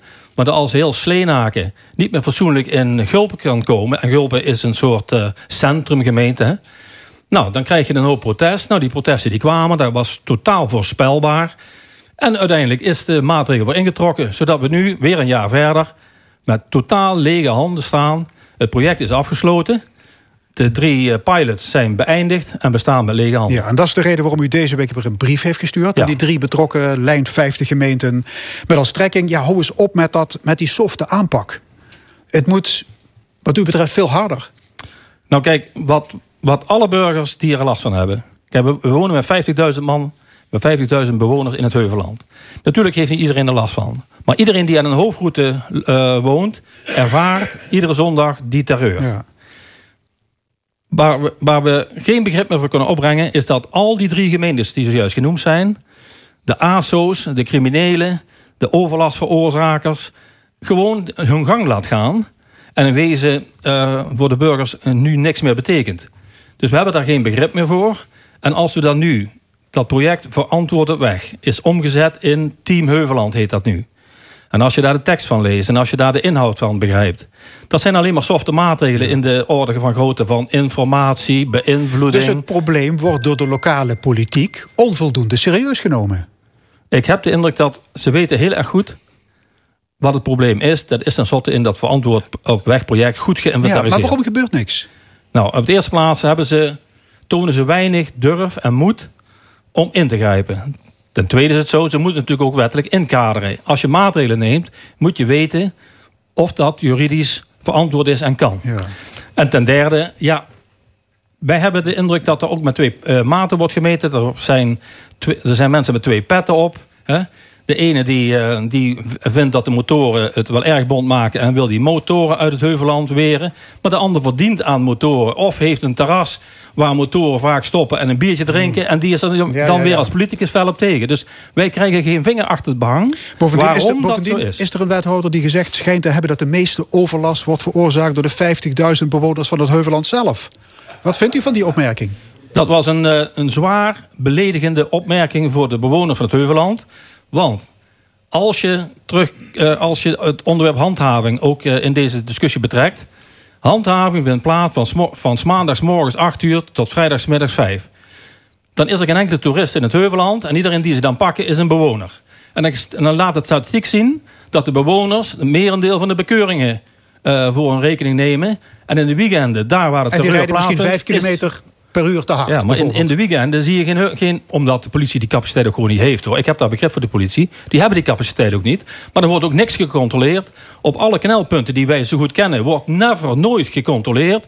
Dan heb je ook in de statistieken... die onverlaten en die racers in het Heuvelland ook niet te pakken. En dan, krijgt, en dan krijgen we dan een uitspraak van een wethouder... die in wezen alle bewoners van het Heuvelland diep beledigt. Ja, en dan zegt u ja, geen wonder. Ja, geen wonder, ja. Dat is voorspelbaar. Ik heb begrepen dat de inwoners van Sleenaken willen dat er in het dorp overal een 30 kilometer zone wordt ingevoerd. Ja, dat, zet, heel dat zet zo dan de dijk. En wellicht is dat een maatregel die voor alle kleine dorpskernen be- best wel zinvol geldt. Dat je in elk geval afremt. En dat je in al die kleine dorpskernen met, met voertuigen niet meer dan 30 kunt rijden. Want dan zit je in een, in een eh, eh, lage snelheidscategorie, laag in de versnelling. En dan zou dat al een eerste stap kunnen zijn om de herrie en de terreur uit de dorpskernen Ja, want te u halen. zegt, daar moet je ook zorgen voor verkeersdrempels en, en andere obstakels. Want als er toch geen handhaving is, dan... Nou, verkeersdrempels, eh, dat is ook een andere mogelijkheid. Die liggen er al een heleboel. Natuurlijk is de busmaatschappij daar weer niet blij mee. Maar het zou best wel een, een, een van die trits van maatregelen... om te komen tot een beheersbare eh, verkeersstroom in het Heuvelland... zou dat best een... En het zouden dat best een paar maatregelen kunnen zijn waar we voor kunnen opteren. Ja. Raken bestuurders geïrriteerd Ja. door het luis- en de pelsgedrag van bewonersplatformen? ja. We hebben nu eh, Bemelen heeft zich gemeld. eh Fromberg, Sleenaken, hè, dat hebt u zojuist genoemd. Eh, de lijn 50 eh verkeersleefbaar, dat zijn wij als platform hè, vanuit Meer, Veilen en, en Margraten. Ehm, en er zijn er nog wel meer van die platforms die nu pas begrijpen dat ze niet alleen staan. Iedereen dacht dat die alleen stond. Maar we begrijpen nu dat in al die dorpskernen eh, geëngageerde en betrokken burgers zijn... die best willen opkomen voor de belangen van hun eigen kleine gemeenschap. En als we dat samen gaan bundelen... en dat voorspel ik nu de heren eh, politici en bestuurders... die tot nu toe geweigerd hebben om adequaat in te grijpen... dat wij onze krachten gaan bundelen. En op die manier een politieke factor gaan zijn... waar ze niet meer omheen kunnen. want anders zit u over een jaar weer aan deze tafel. Exact. Ja. Trouwens, eh, grote loodsen en van die mega-opslagmagazijnen in het Heuveland... die heb je ook, hè? Ja, kijk, we hebben die grote loodsen van de, de internationale en nationale distributeurs. Maar we hebben natuurlijk ook de patattenloodsen, hè, de bietenloodsen. Uien.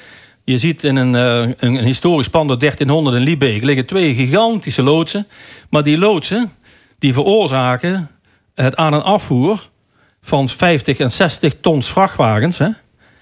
Ehm, en overal in het Heuvelland verrijzen die loodsen. Daar waar die loodsen thuis horen op industrieterreinen.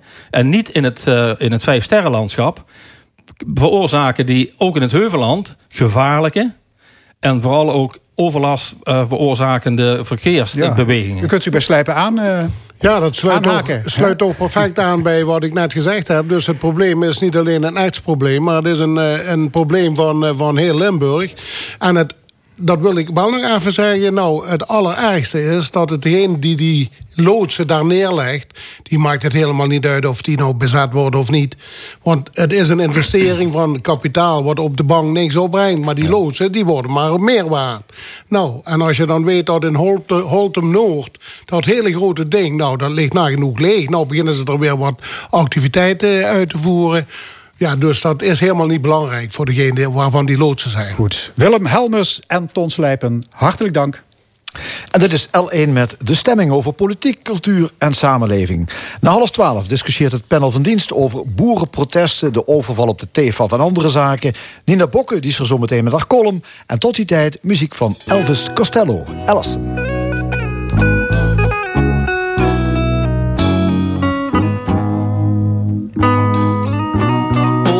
So funny to be seeing you after so long, girl. And with the way you look, I understand that you were not impressed. But I heard you let that little friend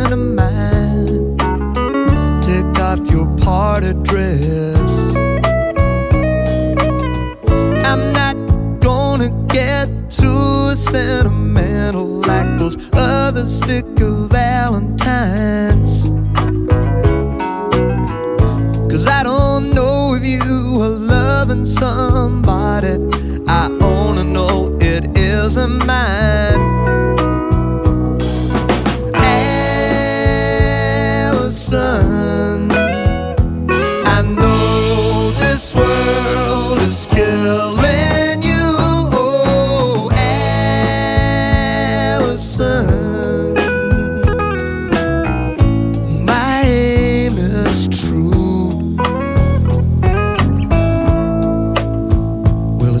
Got a husband now. Did leave your pretty fingers lying in the wedding cake? You used to hold him right in your hand. I bet it took all he could take. Sometimes I wish that I could stop you from talking when I hear the silly things that you say.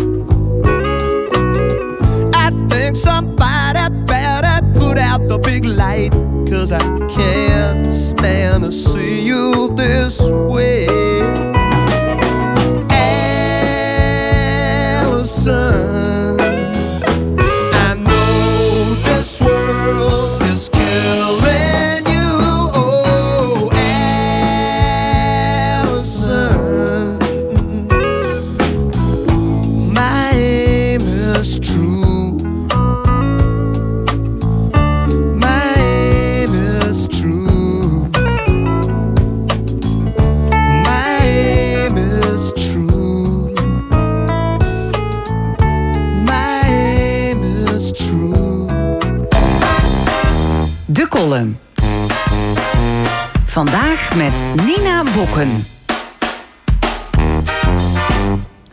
Zag ik een slechte horrorfilm. Die ging over Amerikaanse trucs die plots een eigen leven gingen leiden. En erop uit waren om mensen aan te rijden om de macht over te nemen.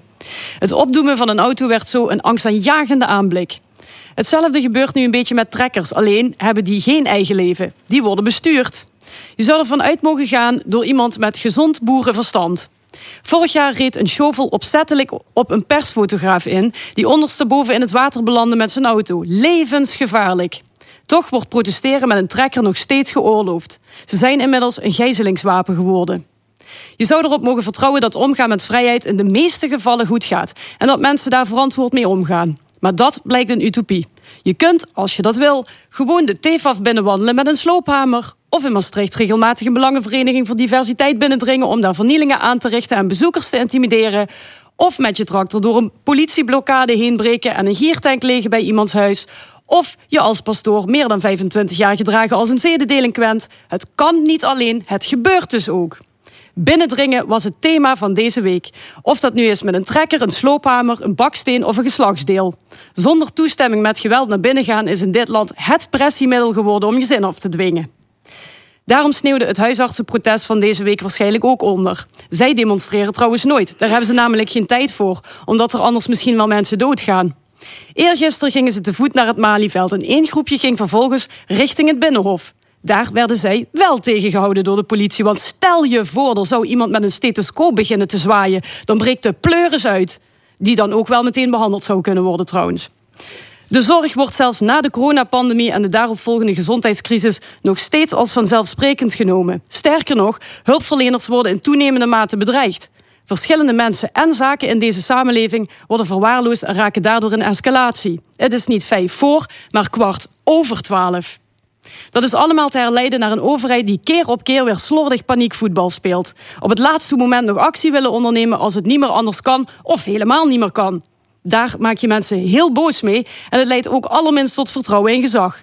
Onze overheid is een beetje de Ellie Lust in gokreclames geworden. Een autoriteit die dobbelt met haar eigen moraal. En daar bovendien ook nog op gokt dat het allemaal wel goed komt als iedereen zich maar aan de regels houdt. Maar een samenleving is net zo vrij als degene die dat misbruiken. Ondanks dat we allemaal blij waren dat de lockdowns nu verleden tijd zijn, mogen we toch weer uitzien naar een dagje waarop het land opnieuw wordt platgelegd. Maar als dan de hulpdiensten niet meer door, daar komen waar ze moeten zijn en de huisartsen ook geen visite meer kunnen rijden, worden die misschien ook een keer serieus genomen. Al vraag ik me af of dat wel binnendringt. De column van Nina Bokken. We zijn toen het discussiepanel. Drie opiniemakers bespreken het oog springende actualiteiten.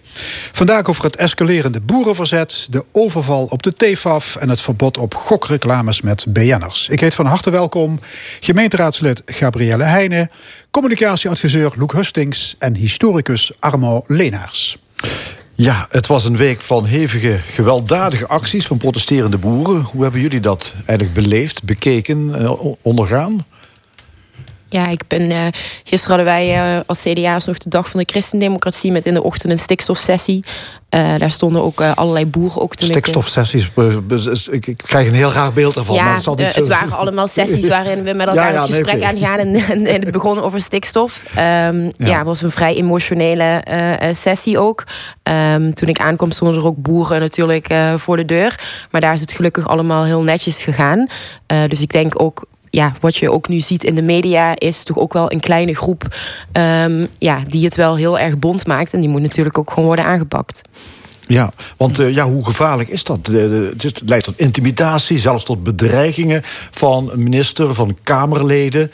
Um, ja, doodeng. ja, ik vind het doodeng. En uh, morgen is er een uh, actie gepland op uh, Schiphol, begrijp ik. Ja, bij distributiecentra en, van... De minister heeft de panzerwagens al uit ja. de kazerne laten, laten halen. Dus ik maak me daar wel grote zorgen om. Ja, ja ik vind het heel beangstigend om te zien. Een soort radicalisering in de samenleving... die we bij corona ook hebben mogen waarnemen. En dat lijkt zich nu door te zetten. En nou, dat is wel iets om je zorgen over te maken. Ja, ja. Nou ja, iedere medaille heeft twee kanten. Hè? Dat heeft deze medaille ook. Um, om te beginnen kunnen we vaststellen dat de rechter gesproken heeft. Hè?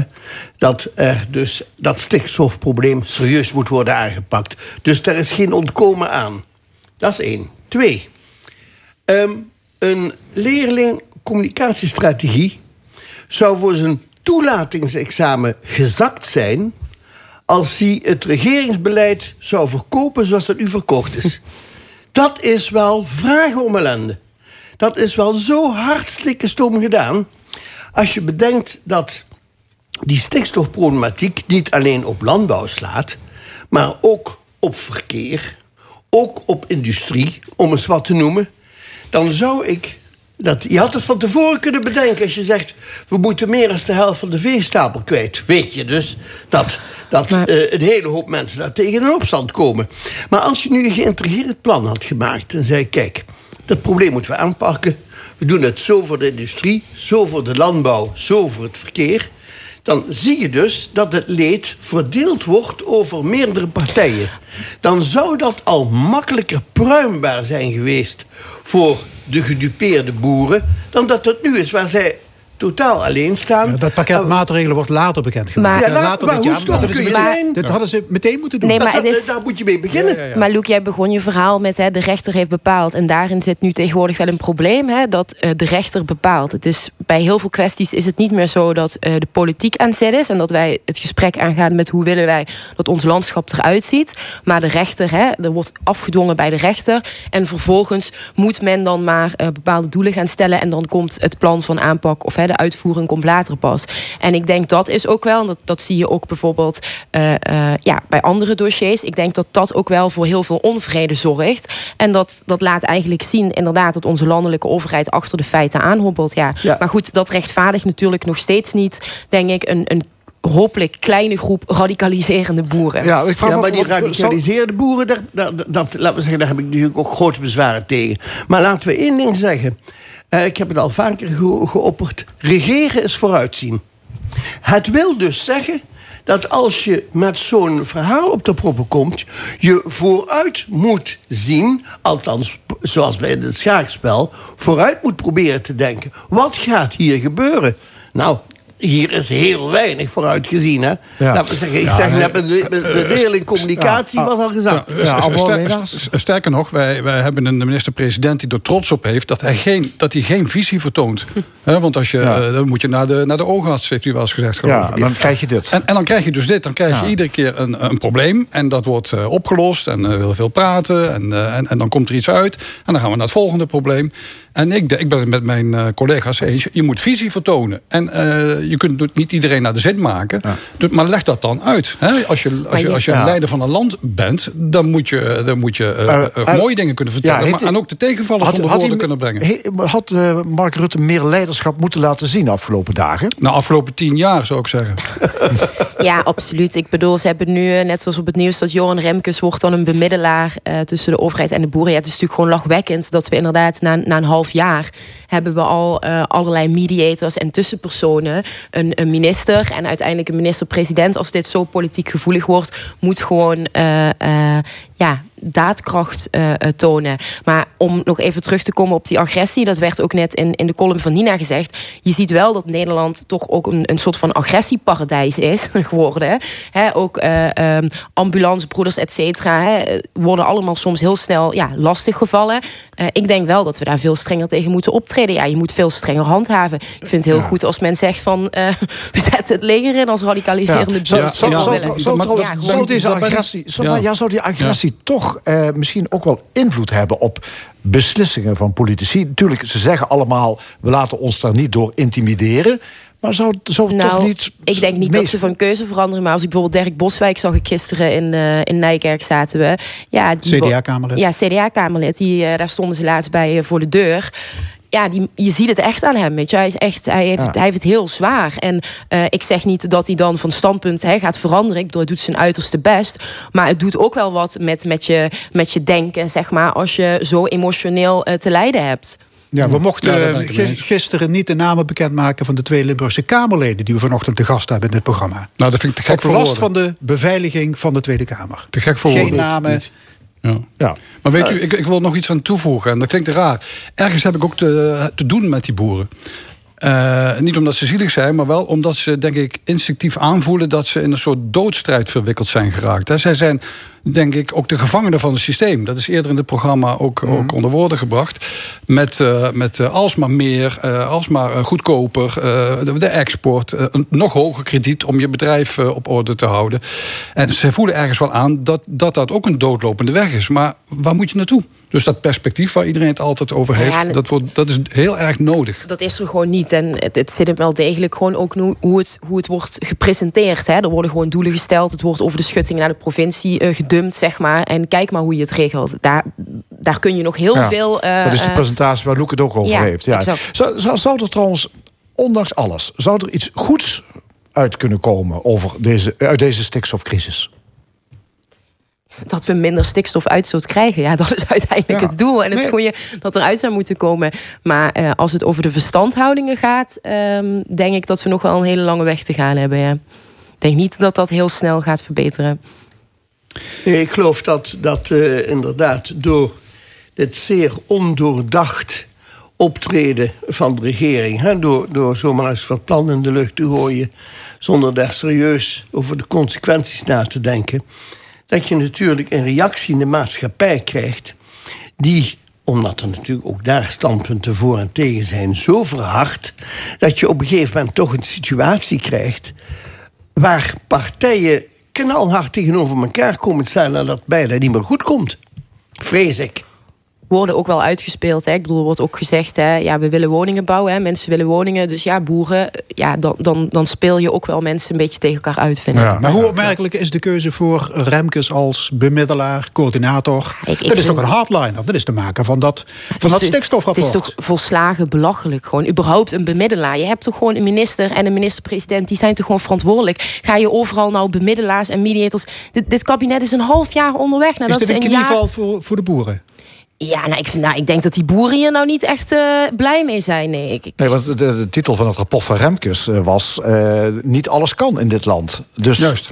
Maar ja. het is ook helemaal geen expert. Het is gewoon een politici, een VVD-politicus. Ja, wat, wat schieten de boeren daarmee op? Hij zal vast goed zijn in politiek bedrijven. Maar ik denk dat hij verder inhoudelijk in dit dossier... Ja, vraag ik het maar af. Ja, is Remkes de, de man die aan het keukentafel bij de boeren gaat zitten om... Ik bedoel, is dat de man ik weet die niet of hij het vertrouwen geniet van de boeren. Zo op het eerste gezicht, eh, denk ik, uh, twijfel ik daaraan. Maar ik zie het ook als een vlucht naar voren. Het, is, het is ook eigenlijk weglopen voor je verantwoordelijkheid. Hè. Dan hebben we weer een commissie, uh, weer een onderzoek. En straks worden heel veel mensen afgekocht met enorm veel geld... wat opeens uh, blijkt te zijn. Dus dat is natuurlijk niet een, een, een beleid voeren wat getuigt van, van, van, van vooruitkijken, van lange termijn denken. Maar waarom zijn ze daar ook niet mee begonnen? Er zijn ontzettend veel boeren die helemaal geen opvolger hebben. Was gewoon eens begonnen met die te benaderen en te zeggen van goh, hè, willen jullie uitgekocht worden? Was daar eens mee begonnen? Ja, dat, dat had mij een eerste logische stap geleken. Goed. Ik denk, ik denk zelf dat heel veel boeren ook heel goed weten dat het anders moet. Ja, ja die zou ik trouwens wat, graag willen, wat vaker willen horen ja. in de media. Goed, ander nieuws deze week. Een brutale overval op de TFAF in Maastricht. Vier overvallers maakten kostbare juwelenbuit. Uh, zijn nog altijd spoorloos. Wat viel jullie op aan deze roof? hoe ze gekleed waren. Dat viel mij als eerste op. De lacherige reacties. Ja, we waren gekleed. Nou ja, een soort van peaky, peaky blinders. ja. dat ging ook op Twitter veel rond. Ja, het zag er een beetje uh, ja, grappig uit. Maar dat is het natuurlijk niet. Ze hadden ook wapens bij zich en een enorme uh, hamer. Het leek wel een scène de speelfilm. Ja, zo uh leek het wel. Ook die meneer die op dat bankje zat... en die, die keek een beetje zo van... ja, ja, het zal wel. Wat, ja. wat moet die man hebben gedacht? Is, dit is een kunstperformance. Ja, zo, misschien dacht hij dat wel, ja. Wim Schippers was er ook, hè? Ja, ja, maar die was er om andere redenen. Die had daar overigens een paar hele maffe uh, kunstwerken staan. Maar ja. um, uh, als ik um, even mag ingaan op... Uh, ja, je hebt verleden bij de TFAF, by Ja, the ik way. heb, ik heb het een jaar of tien georganiseerd. En ik ben ik, jarenlang um, hoofd PR van het MEC geweest. Dus ik laat maar zeggen, ik ken het gebouw en ik ken de beurs. van binnen en van buiten. En... Nu is het zo dat um, wat we eerst kunnen vaststellen is dat er nog nooit in de wereld op een openbare kunstmanifestatie een dergelijke geweldsuiting is geweest om een diefstal te plegen. Dat is dus nog nooit gebeurd. Niet op beurzen in Duitsland en de Verenigde Staten. Maar dan had de beveiliging juist extra alert moeten zijn. Hmm. Nou, dat, dat uh, komt altijd een eerste keer. Je zegt extra alert moeten zijn. Hoe kom je erbij dat ze dat niet zouden zijn? Heeft de beveiliging gefaald? Ja, dat weten nou, we toch weten niet? We niet. Ze, ze, geven niks los over het veiligheidsprotocol. Ik vraag me wel af, hoe krijg je zo'n zo'n enorme uh, uh, hamer uh, mee naar binnen? ik zou dan denken, hè, er zijn daar zoveel standhouders. Hè, misschien was het ook intern dat iemand ermee in zat. Maar ja, dat, dat zijn allemaal Maar daar gaat de beveiliging toch ook over? Maar, maar zou het niet zo kunnen zijn dat die hamer al lang binnen was? Ja, dat bedoel ik, ja. Zou het niet zo kunnen zijn dat... Maar um, moet je niet controleren of er misschien voorhamers in het gebouw zijn? nou, moet je je voorstellen, er zijn... Um, voordat die beurs open gaat... Hè, worden die stands ingericht. Ik praat niet over de standbouw, maar over het inrichten van de stand en zo. Er zijn ongeveer duizend mensen aan het werk. Ja. ja. Um, als iemand daar... Um, je moet eens kijken hoe groot dat werk is en hoe dat qua standbouw in elkaar zit. Als jij achter een schot een hamer neerzet. Ja, zal oorspronkelijk iemand daar een gedachte bij hebben. Hier ligt het voorwerp voor een misdaad. Ja, en een geweer? Dat hebben ze waarschijnlijk wel mee naar binnen ja, gebracht. Dat maar dat is ook veel eenvoudiger naar binnen te brengen dan een voorhamer. Het is wel een flinke uh, Maar je zegt eigenlijk, Luke, zo'n gebouw kun je niet voor de volle 100% beveiligen. Nou, dat, Risico op zijn overval ja, kun je niet nou, uitsluiten. Laten we zeggen, het is, punt 1 zeg ik, begon te zeggen, het is nog nooit gebeurd. Het is heel moeilijk om je te beveiligen tegen iets wat er nog nooit gebeurd is. Juist. Um, maar als ik je vertel dat hier tonnen aan beveiliging wordt uitgegeven ieder jaar... dan kun je niet zeggen dat dat uh, zo'n beetje aan de achterste bem gehangen heeft. Nee, dat heeft zeer grote aandacht. Dat wordt van tevoren zorgvuldig doorgeëxerceerd. Waarom staat er dan niet binnen, binnen drie seconden... Uh, twee beveiligers die die mensen inrekenen? Nou, daar is, komt ook nog een keer de keuze van de mensen zelf. Um, ik weet niet of jullie de beurs bezocht hebben, maar het zit zo dat je hebt in die beurs heb je een aantal afdelingen: uh, oude kunst, moderne kunst, Aziatica, um, etnografica, um, uh, archeologie. En zo heb je ook een juweliersafdeling. Daar staan de belangrijke juweliers bij elkaar. En daar heb je, laten we zeggen, om de meter staan daar beveiligers extra omdat dat de plek is waar de meeste per vierkante meter de, de hoogste waarde vertegenwoordigd is. Ja. Weet je wat het wel is? Ja, maar dan zou je deze denken, persoon, je denken, dat wacht nou even. Deze, deze firma heeft ervoor gekozen om niet in de juweliersectie te gaan zitten, maar om tussen de oude meesters in te gaan zitten. Maar even, eh, wat het wel is, en we doen nu zo van, oh wat erg. Ja, het is natuurlijk heel erg dat, dat er gestolen is natuurlijk, maar er is ook niemand gewond geraakt. Hè? Dus laten we dat ook niet vergeten. Ik bedoel, dat had ook kunnen gebeuren. Dus in die zin kun je wel zeggen, van, ja, het is goed afgelopen. Dus ja, het is ook maar net hoe je er tegenaan kijkt. Ja. En, we hebben, en we hebben het script voor een fantastische film. Hè? The Great Maastricht Robbery, eh, dacht ik al. Dan moet je even denken aan die treinroof ooit in, de, in, eh, in Engeland, geloof ik. Mhm. Die mensen zijn nooit gepakt. Die zijn in Brazilië of zo terechtgekomen. En uh, dat is op zich ja, fantastisch Ronald, verhaal. Ronald Biggs Ronald is wel degelijk gepakt. Mhm. Maar toen was het al verjaard, geloof ik. Dat zou kunnen. Ja. Goed. Maar, in ieder geval, er zijn twee Belgen aangehouden. Uh, ja, in, in een auto die had niks met die overval te maken. Blunder, blunder van de politie? Uh, luister, je, je gaat op een gegeven moment... onmiddellijk als er zoiets gebeurd is... ga je uh, observeren en kijken wat er gebeurt... als mensen zich verdacht gedragen. Um, in een auto. Dan zeg je, wacht eens even, laten we daar eens even aandacht aan besteden. Maar wat ik nog even wilde zeggen, wat mij zo verbaasd heeft... Uh, ik weet niet of jullie hebben dat ongetwijfeld die beelden gezien. Je hebt ze met die, met die mokerhamer, heb je ze op die vitrine zien rammen. Heb je gezien hoe zwaar en lang die man op die vitrine heeft ingehakt? En als je dan uiteindelijk de schade aan die vitrine ziet... dan zit er dus een paar, een paar gaten in maar ik vind met het geweld wat ik daar zag, wat er aan te pas kwam, viel mij die schade aan die vitrine. Ja, maar het is wel weg. Eigenlijk reuze mee. Maar ik, ik vind wel, weet je, we moeten ook een beetje oppassen, vind ik, dat je niet heel snel zegt, ja, blunder. Voor hetzelfde geld waren het die twee wel. En had de politie ze laten gaan of zo. en dan was er gezegd van, je had ze in Je zou maar in die auto zitten, man. Die mensen zijn zich helemaal kapot ja, geschrokken. Zeker, zeker. Ja, maar...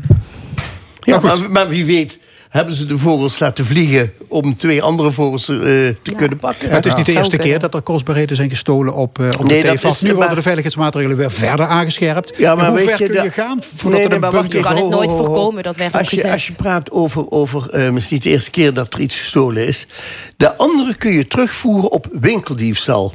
Laten we zeggen, je hebt een stand van juwelen verkocht worden. Um, er komt een klant met, met nog een paar mensen... die is geïnteresseerd in een bepaald voorwerp. Dat voorwerp wordt getoond, eventueel opgehangen. Uh, een van de anderen maakt gebruik van het feit dat de vitrine open staat... en ja, gapt daar een juweel uit. Nou, dat is een winkeldiefstal. Dat is heel naar als dat gebeurt. Maar meer als dat is het feitelijk niet. In dit geval is er sprake van een overval. Dat is heel iets anders. Hè? Dat kun je dus niet zo 1, 2, 3 vergelijken met een winkeldiefstal. Ja, kan dit trouwens gevolgen hebben voor de continuïteit van de TV4 in Maastricht? Nou, ik denk dat een aantal standhouders uh, nog wel eens uh, goed nadenkt, ja. ja uh, om, om, om, op de reputatie van de werelds grootste ja, kunst- en antiekbeurs. Kijk, Belangrijkste kunst- en antiekbeurs vooral. Maar het is, het is, ik weet niet zozeer of dat een smet op de reputatie is. Het is natuurlijk nooit goed voor je het is nooit goed voor je reputatie, laten we dat zeggen. Maar, ja, maar of er nou het volgend jaar minder um, antiquairs en juweliers zouden zijn... dat ik te betwijfelen als je bedenkt dat er gigantisch verkocht is. En wat ik me ook nog afvraag, maar dat weet ik dus niet... is als er nu, in, in een aantal gevallen is het zo, als er iets gestolen wordt, is dat gelijk en verkocht. Dan betekent dat dat een object als verkocht beschouwd kan worden. En keert de verzekering uit. Maar in hoeverre dat in Ja, dit ja, geval dat- bij juwelen aan de hand is, dat weet ik dus niet. Nee, nou, daar kun je ook weer wat anders bij gaan Ja. En juwelen zijn vooral- juwelen zijn vooral het doel, want die kun je makkelijk, heb je begrepen, om, omslijpen. Ja, ja, ja, en, eh, maar de schilderij is wat lastig om mee Je naar moet je elkaar te voorstellen, dat is een object van, van eh, ongeveer 25 miljoen gestolen. mee te nemen ook. Als je dat uit elkaar rammelt... en je verkoopt die losse stenen... die je misschien zelfs nog een beetje bijslijpt links en rechts... om ze nog onherkenbaar te maken... brengt dat geen 25 miljoen meer op... maar laten we zeggen nog maar 10 miljoen. Dan heb je dus een beduidende waardedaling. Dat zal die Steeds mensen die vier man... En zo is het, die zijn met nul Ja. binnengekomen. Ja, Ja. ja, zo is het. Ja. Oké, is we- veel Peaky Blinders, uh, Paxkis met carnaval. eh. Ja, ja, die zijn altijd heel in trek. Ja. Eh, bekende Nederlanders die mogen voortaan geen reclame meer maken voor gokwebsites. Wat vinden jullie van dat verbod? Heel goed. Ja? Ja, ik ergerde me dood aan die reclames. En het meest aan de voetballers, die, eh, die, toch al eh, niet armlastig zijn. En dan nog even bijsnabbelen in al die eh, spotjes en zo. En wat me, en dat, ik vind het zo hypocriet, want dat zijn eh, eh, jongens die het heel ver geschopt hebben met een professionele voetbalcarrière. Hebben daarmee zo heel veel geld aan verdiend. En gaan vervolgens, terwijl ze een voorbeeldfunctie hebben, jonge, vaak jonge kwetsbare mensen over, overhalen om online te gaan gokken. Ik en kan daar nog met mijn- ex-verslaafde voetballers. ik, nou, er zit er ook nog tussen, Wim ja, Kieft. inderdaad. Zoals, ja, ik, ik begrijp dat gewoon niet. Hoe je dat voor jezelf kunt verantwoorden. Doe dat toch niet? Maar ze zou, ja, ik hoop wel dat het een eerste stap is om überhaupt die gokreclames eh, eh, te verbieden. Want je wordt er wel ook helemaal mee doodgegooid. eh, eh, op Maar los van het feit of je ermee doodgegooid wordt. Hè? Het feit dat ehm, je ehm, mensen stimuleert om, gaan, om te gaan gokken op deze manier. Hè? Op een redelijk anonieme manier. Waar je stiekem achter je computertje Ja. wat zit te goochelen. ja. ehm, waar verder niemand zicht of weet van heeft. Dat heeft geweldige gevolgen voor gezinnen, families... Waar, waar, waar die, die vaak al armlastig zijn...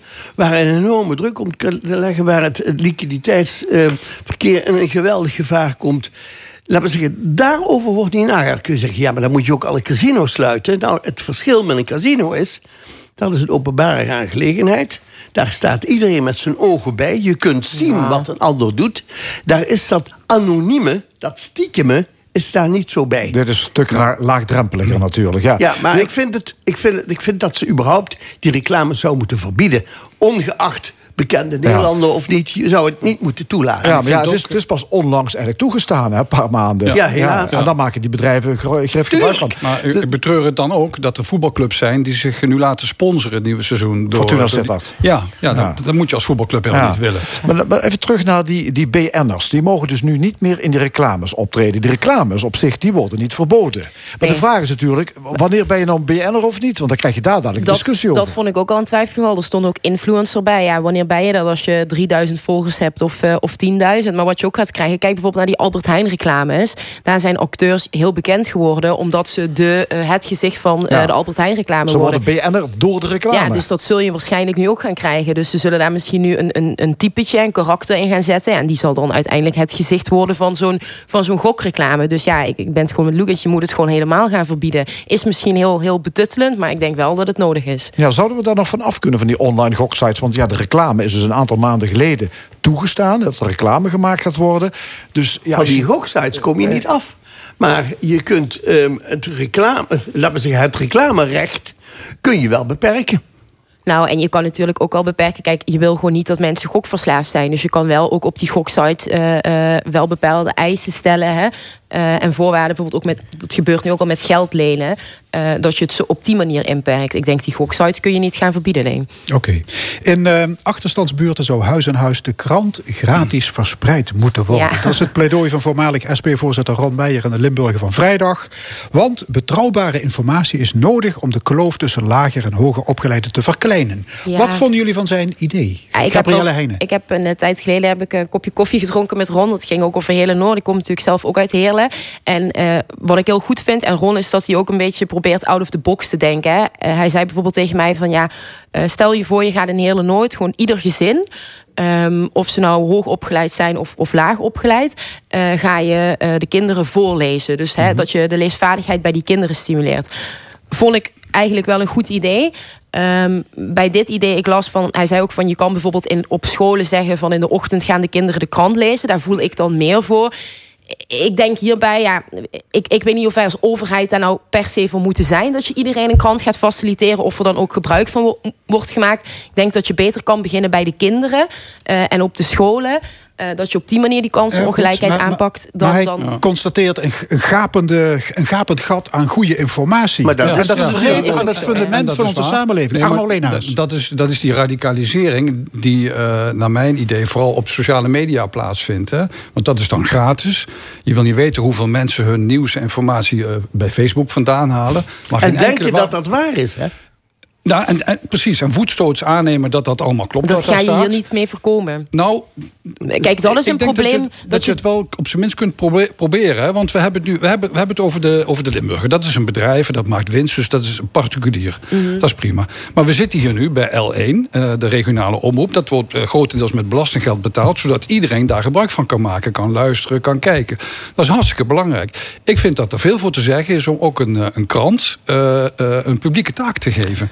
En uh, hoe je dat precies moet doen uh, met geld en zo, dat is, dat is natuurlijk lastig. Maar je zou, je zou kunnen kijken naar scholen, naar bibliotheken, naar buurthuizen. Ja, dat je zou ja, per wijk iets kunnen.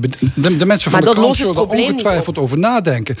Nou, nou, ik denk dat uh, gedegen informatie, waar redacteuren naar gekeken hebben, wat niet zomaar op het internet wordt geplemd zonder dat daar enige filter tussen zit. Ik denk dat dat een wereld van verschil maakt. Ja, maar dat wil nog steeds niet zeggen dat bepaalde mensen, waarvan je dus wil dat ze het gaan lezen, dat ze het gaan lezen. En als het gaat over die misinformatie op Facebook, dat is gewoon een probleem dat Europa had al lang uh, gewoon strenge regels moeten handhaven op wat er allemaal op het internet verspreid mag worden. Dus dat is, dat is wat je moet aanpakken aanpakken. En vervolgens moet je gewoon bij de jongeren beginnen. Want je gaat mensen die op dit moment hun, hun, uh, hun Facebook als de krant zien... die ga je echt niet uh, veranderen door de Limburger in te gooien. Echt niet. Waarom okay. niet? Waarom zou Omdat zo... ze het niet lezen. We zetten nee, nee, de discussie is... straks voort. Tijd is afgelopen. Hartelijk dank, discussiepanel Armo Leenaars... Loek Hustings, Gabrielle Heijnen. En dit was de stemming, de laatste overigens van dit seizoen... gemaakt door René Bergers, Fons Geraas en Frank Ruber. Komende zondag om 11 uur kunt u luisteren naar een documentaire... over de terugkeer van Joodse holocaust-slachtoffers uit de concentratiekampen. Hun huizen waren door loesje makelaars doorverkocht... en de overheid vond het allemaal prima. En daarna volgen acht afleveringen van de serie Stemmingmakers. Lange interviews met markante en soms spraakmakende Limburgers. De stemming is Deo Valente weer terug op zondag 11 september. We wensen u een hele mooie zomer. Tot dan.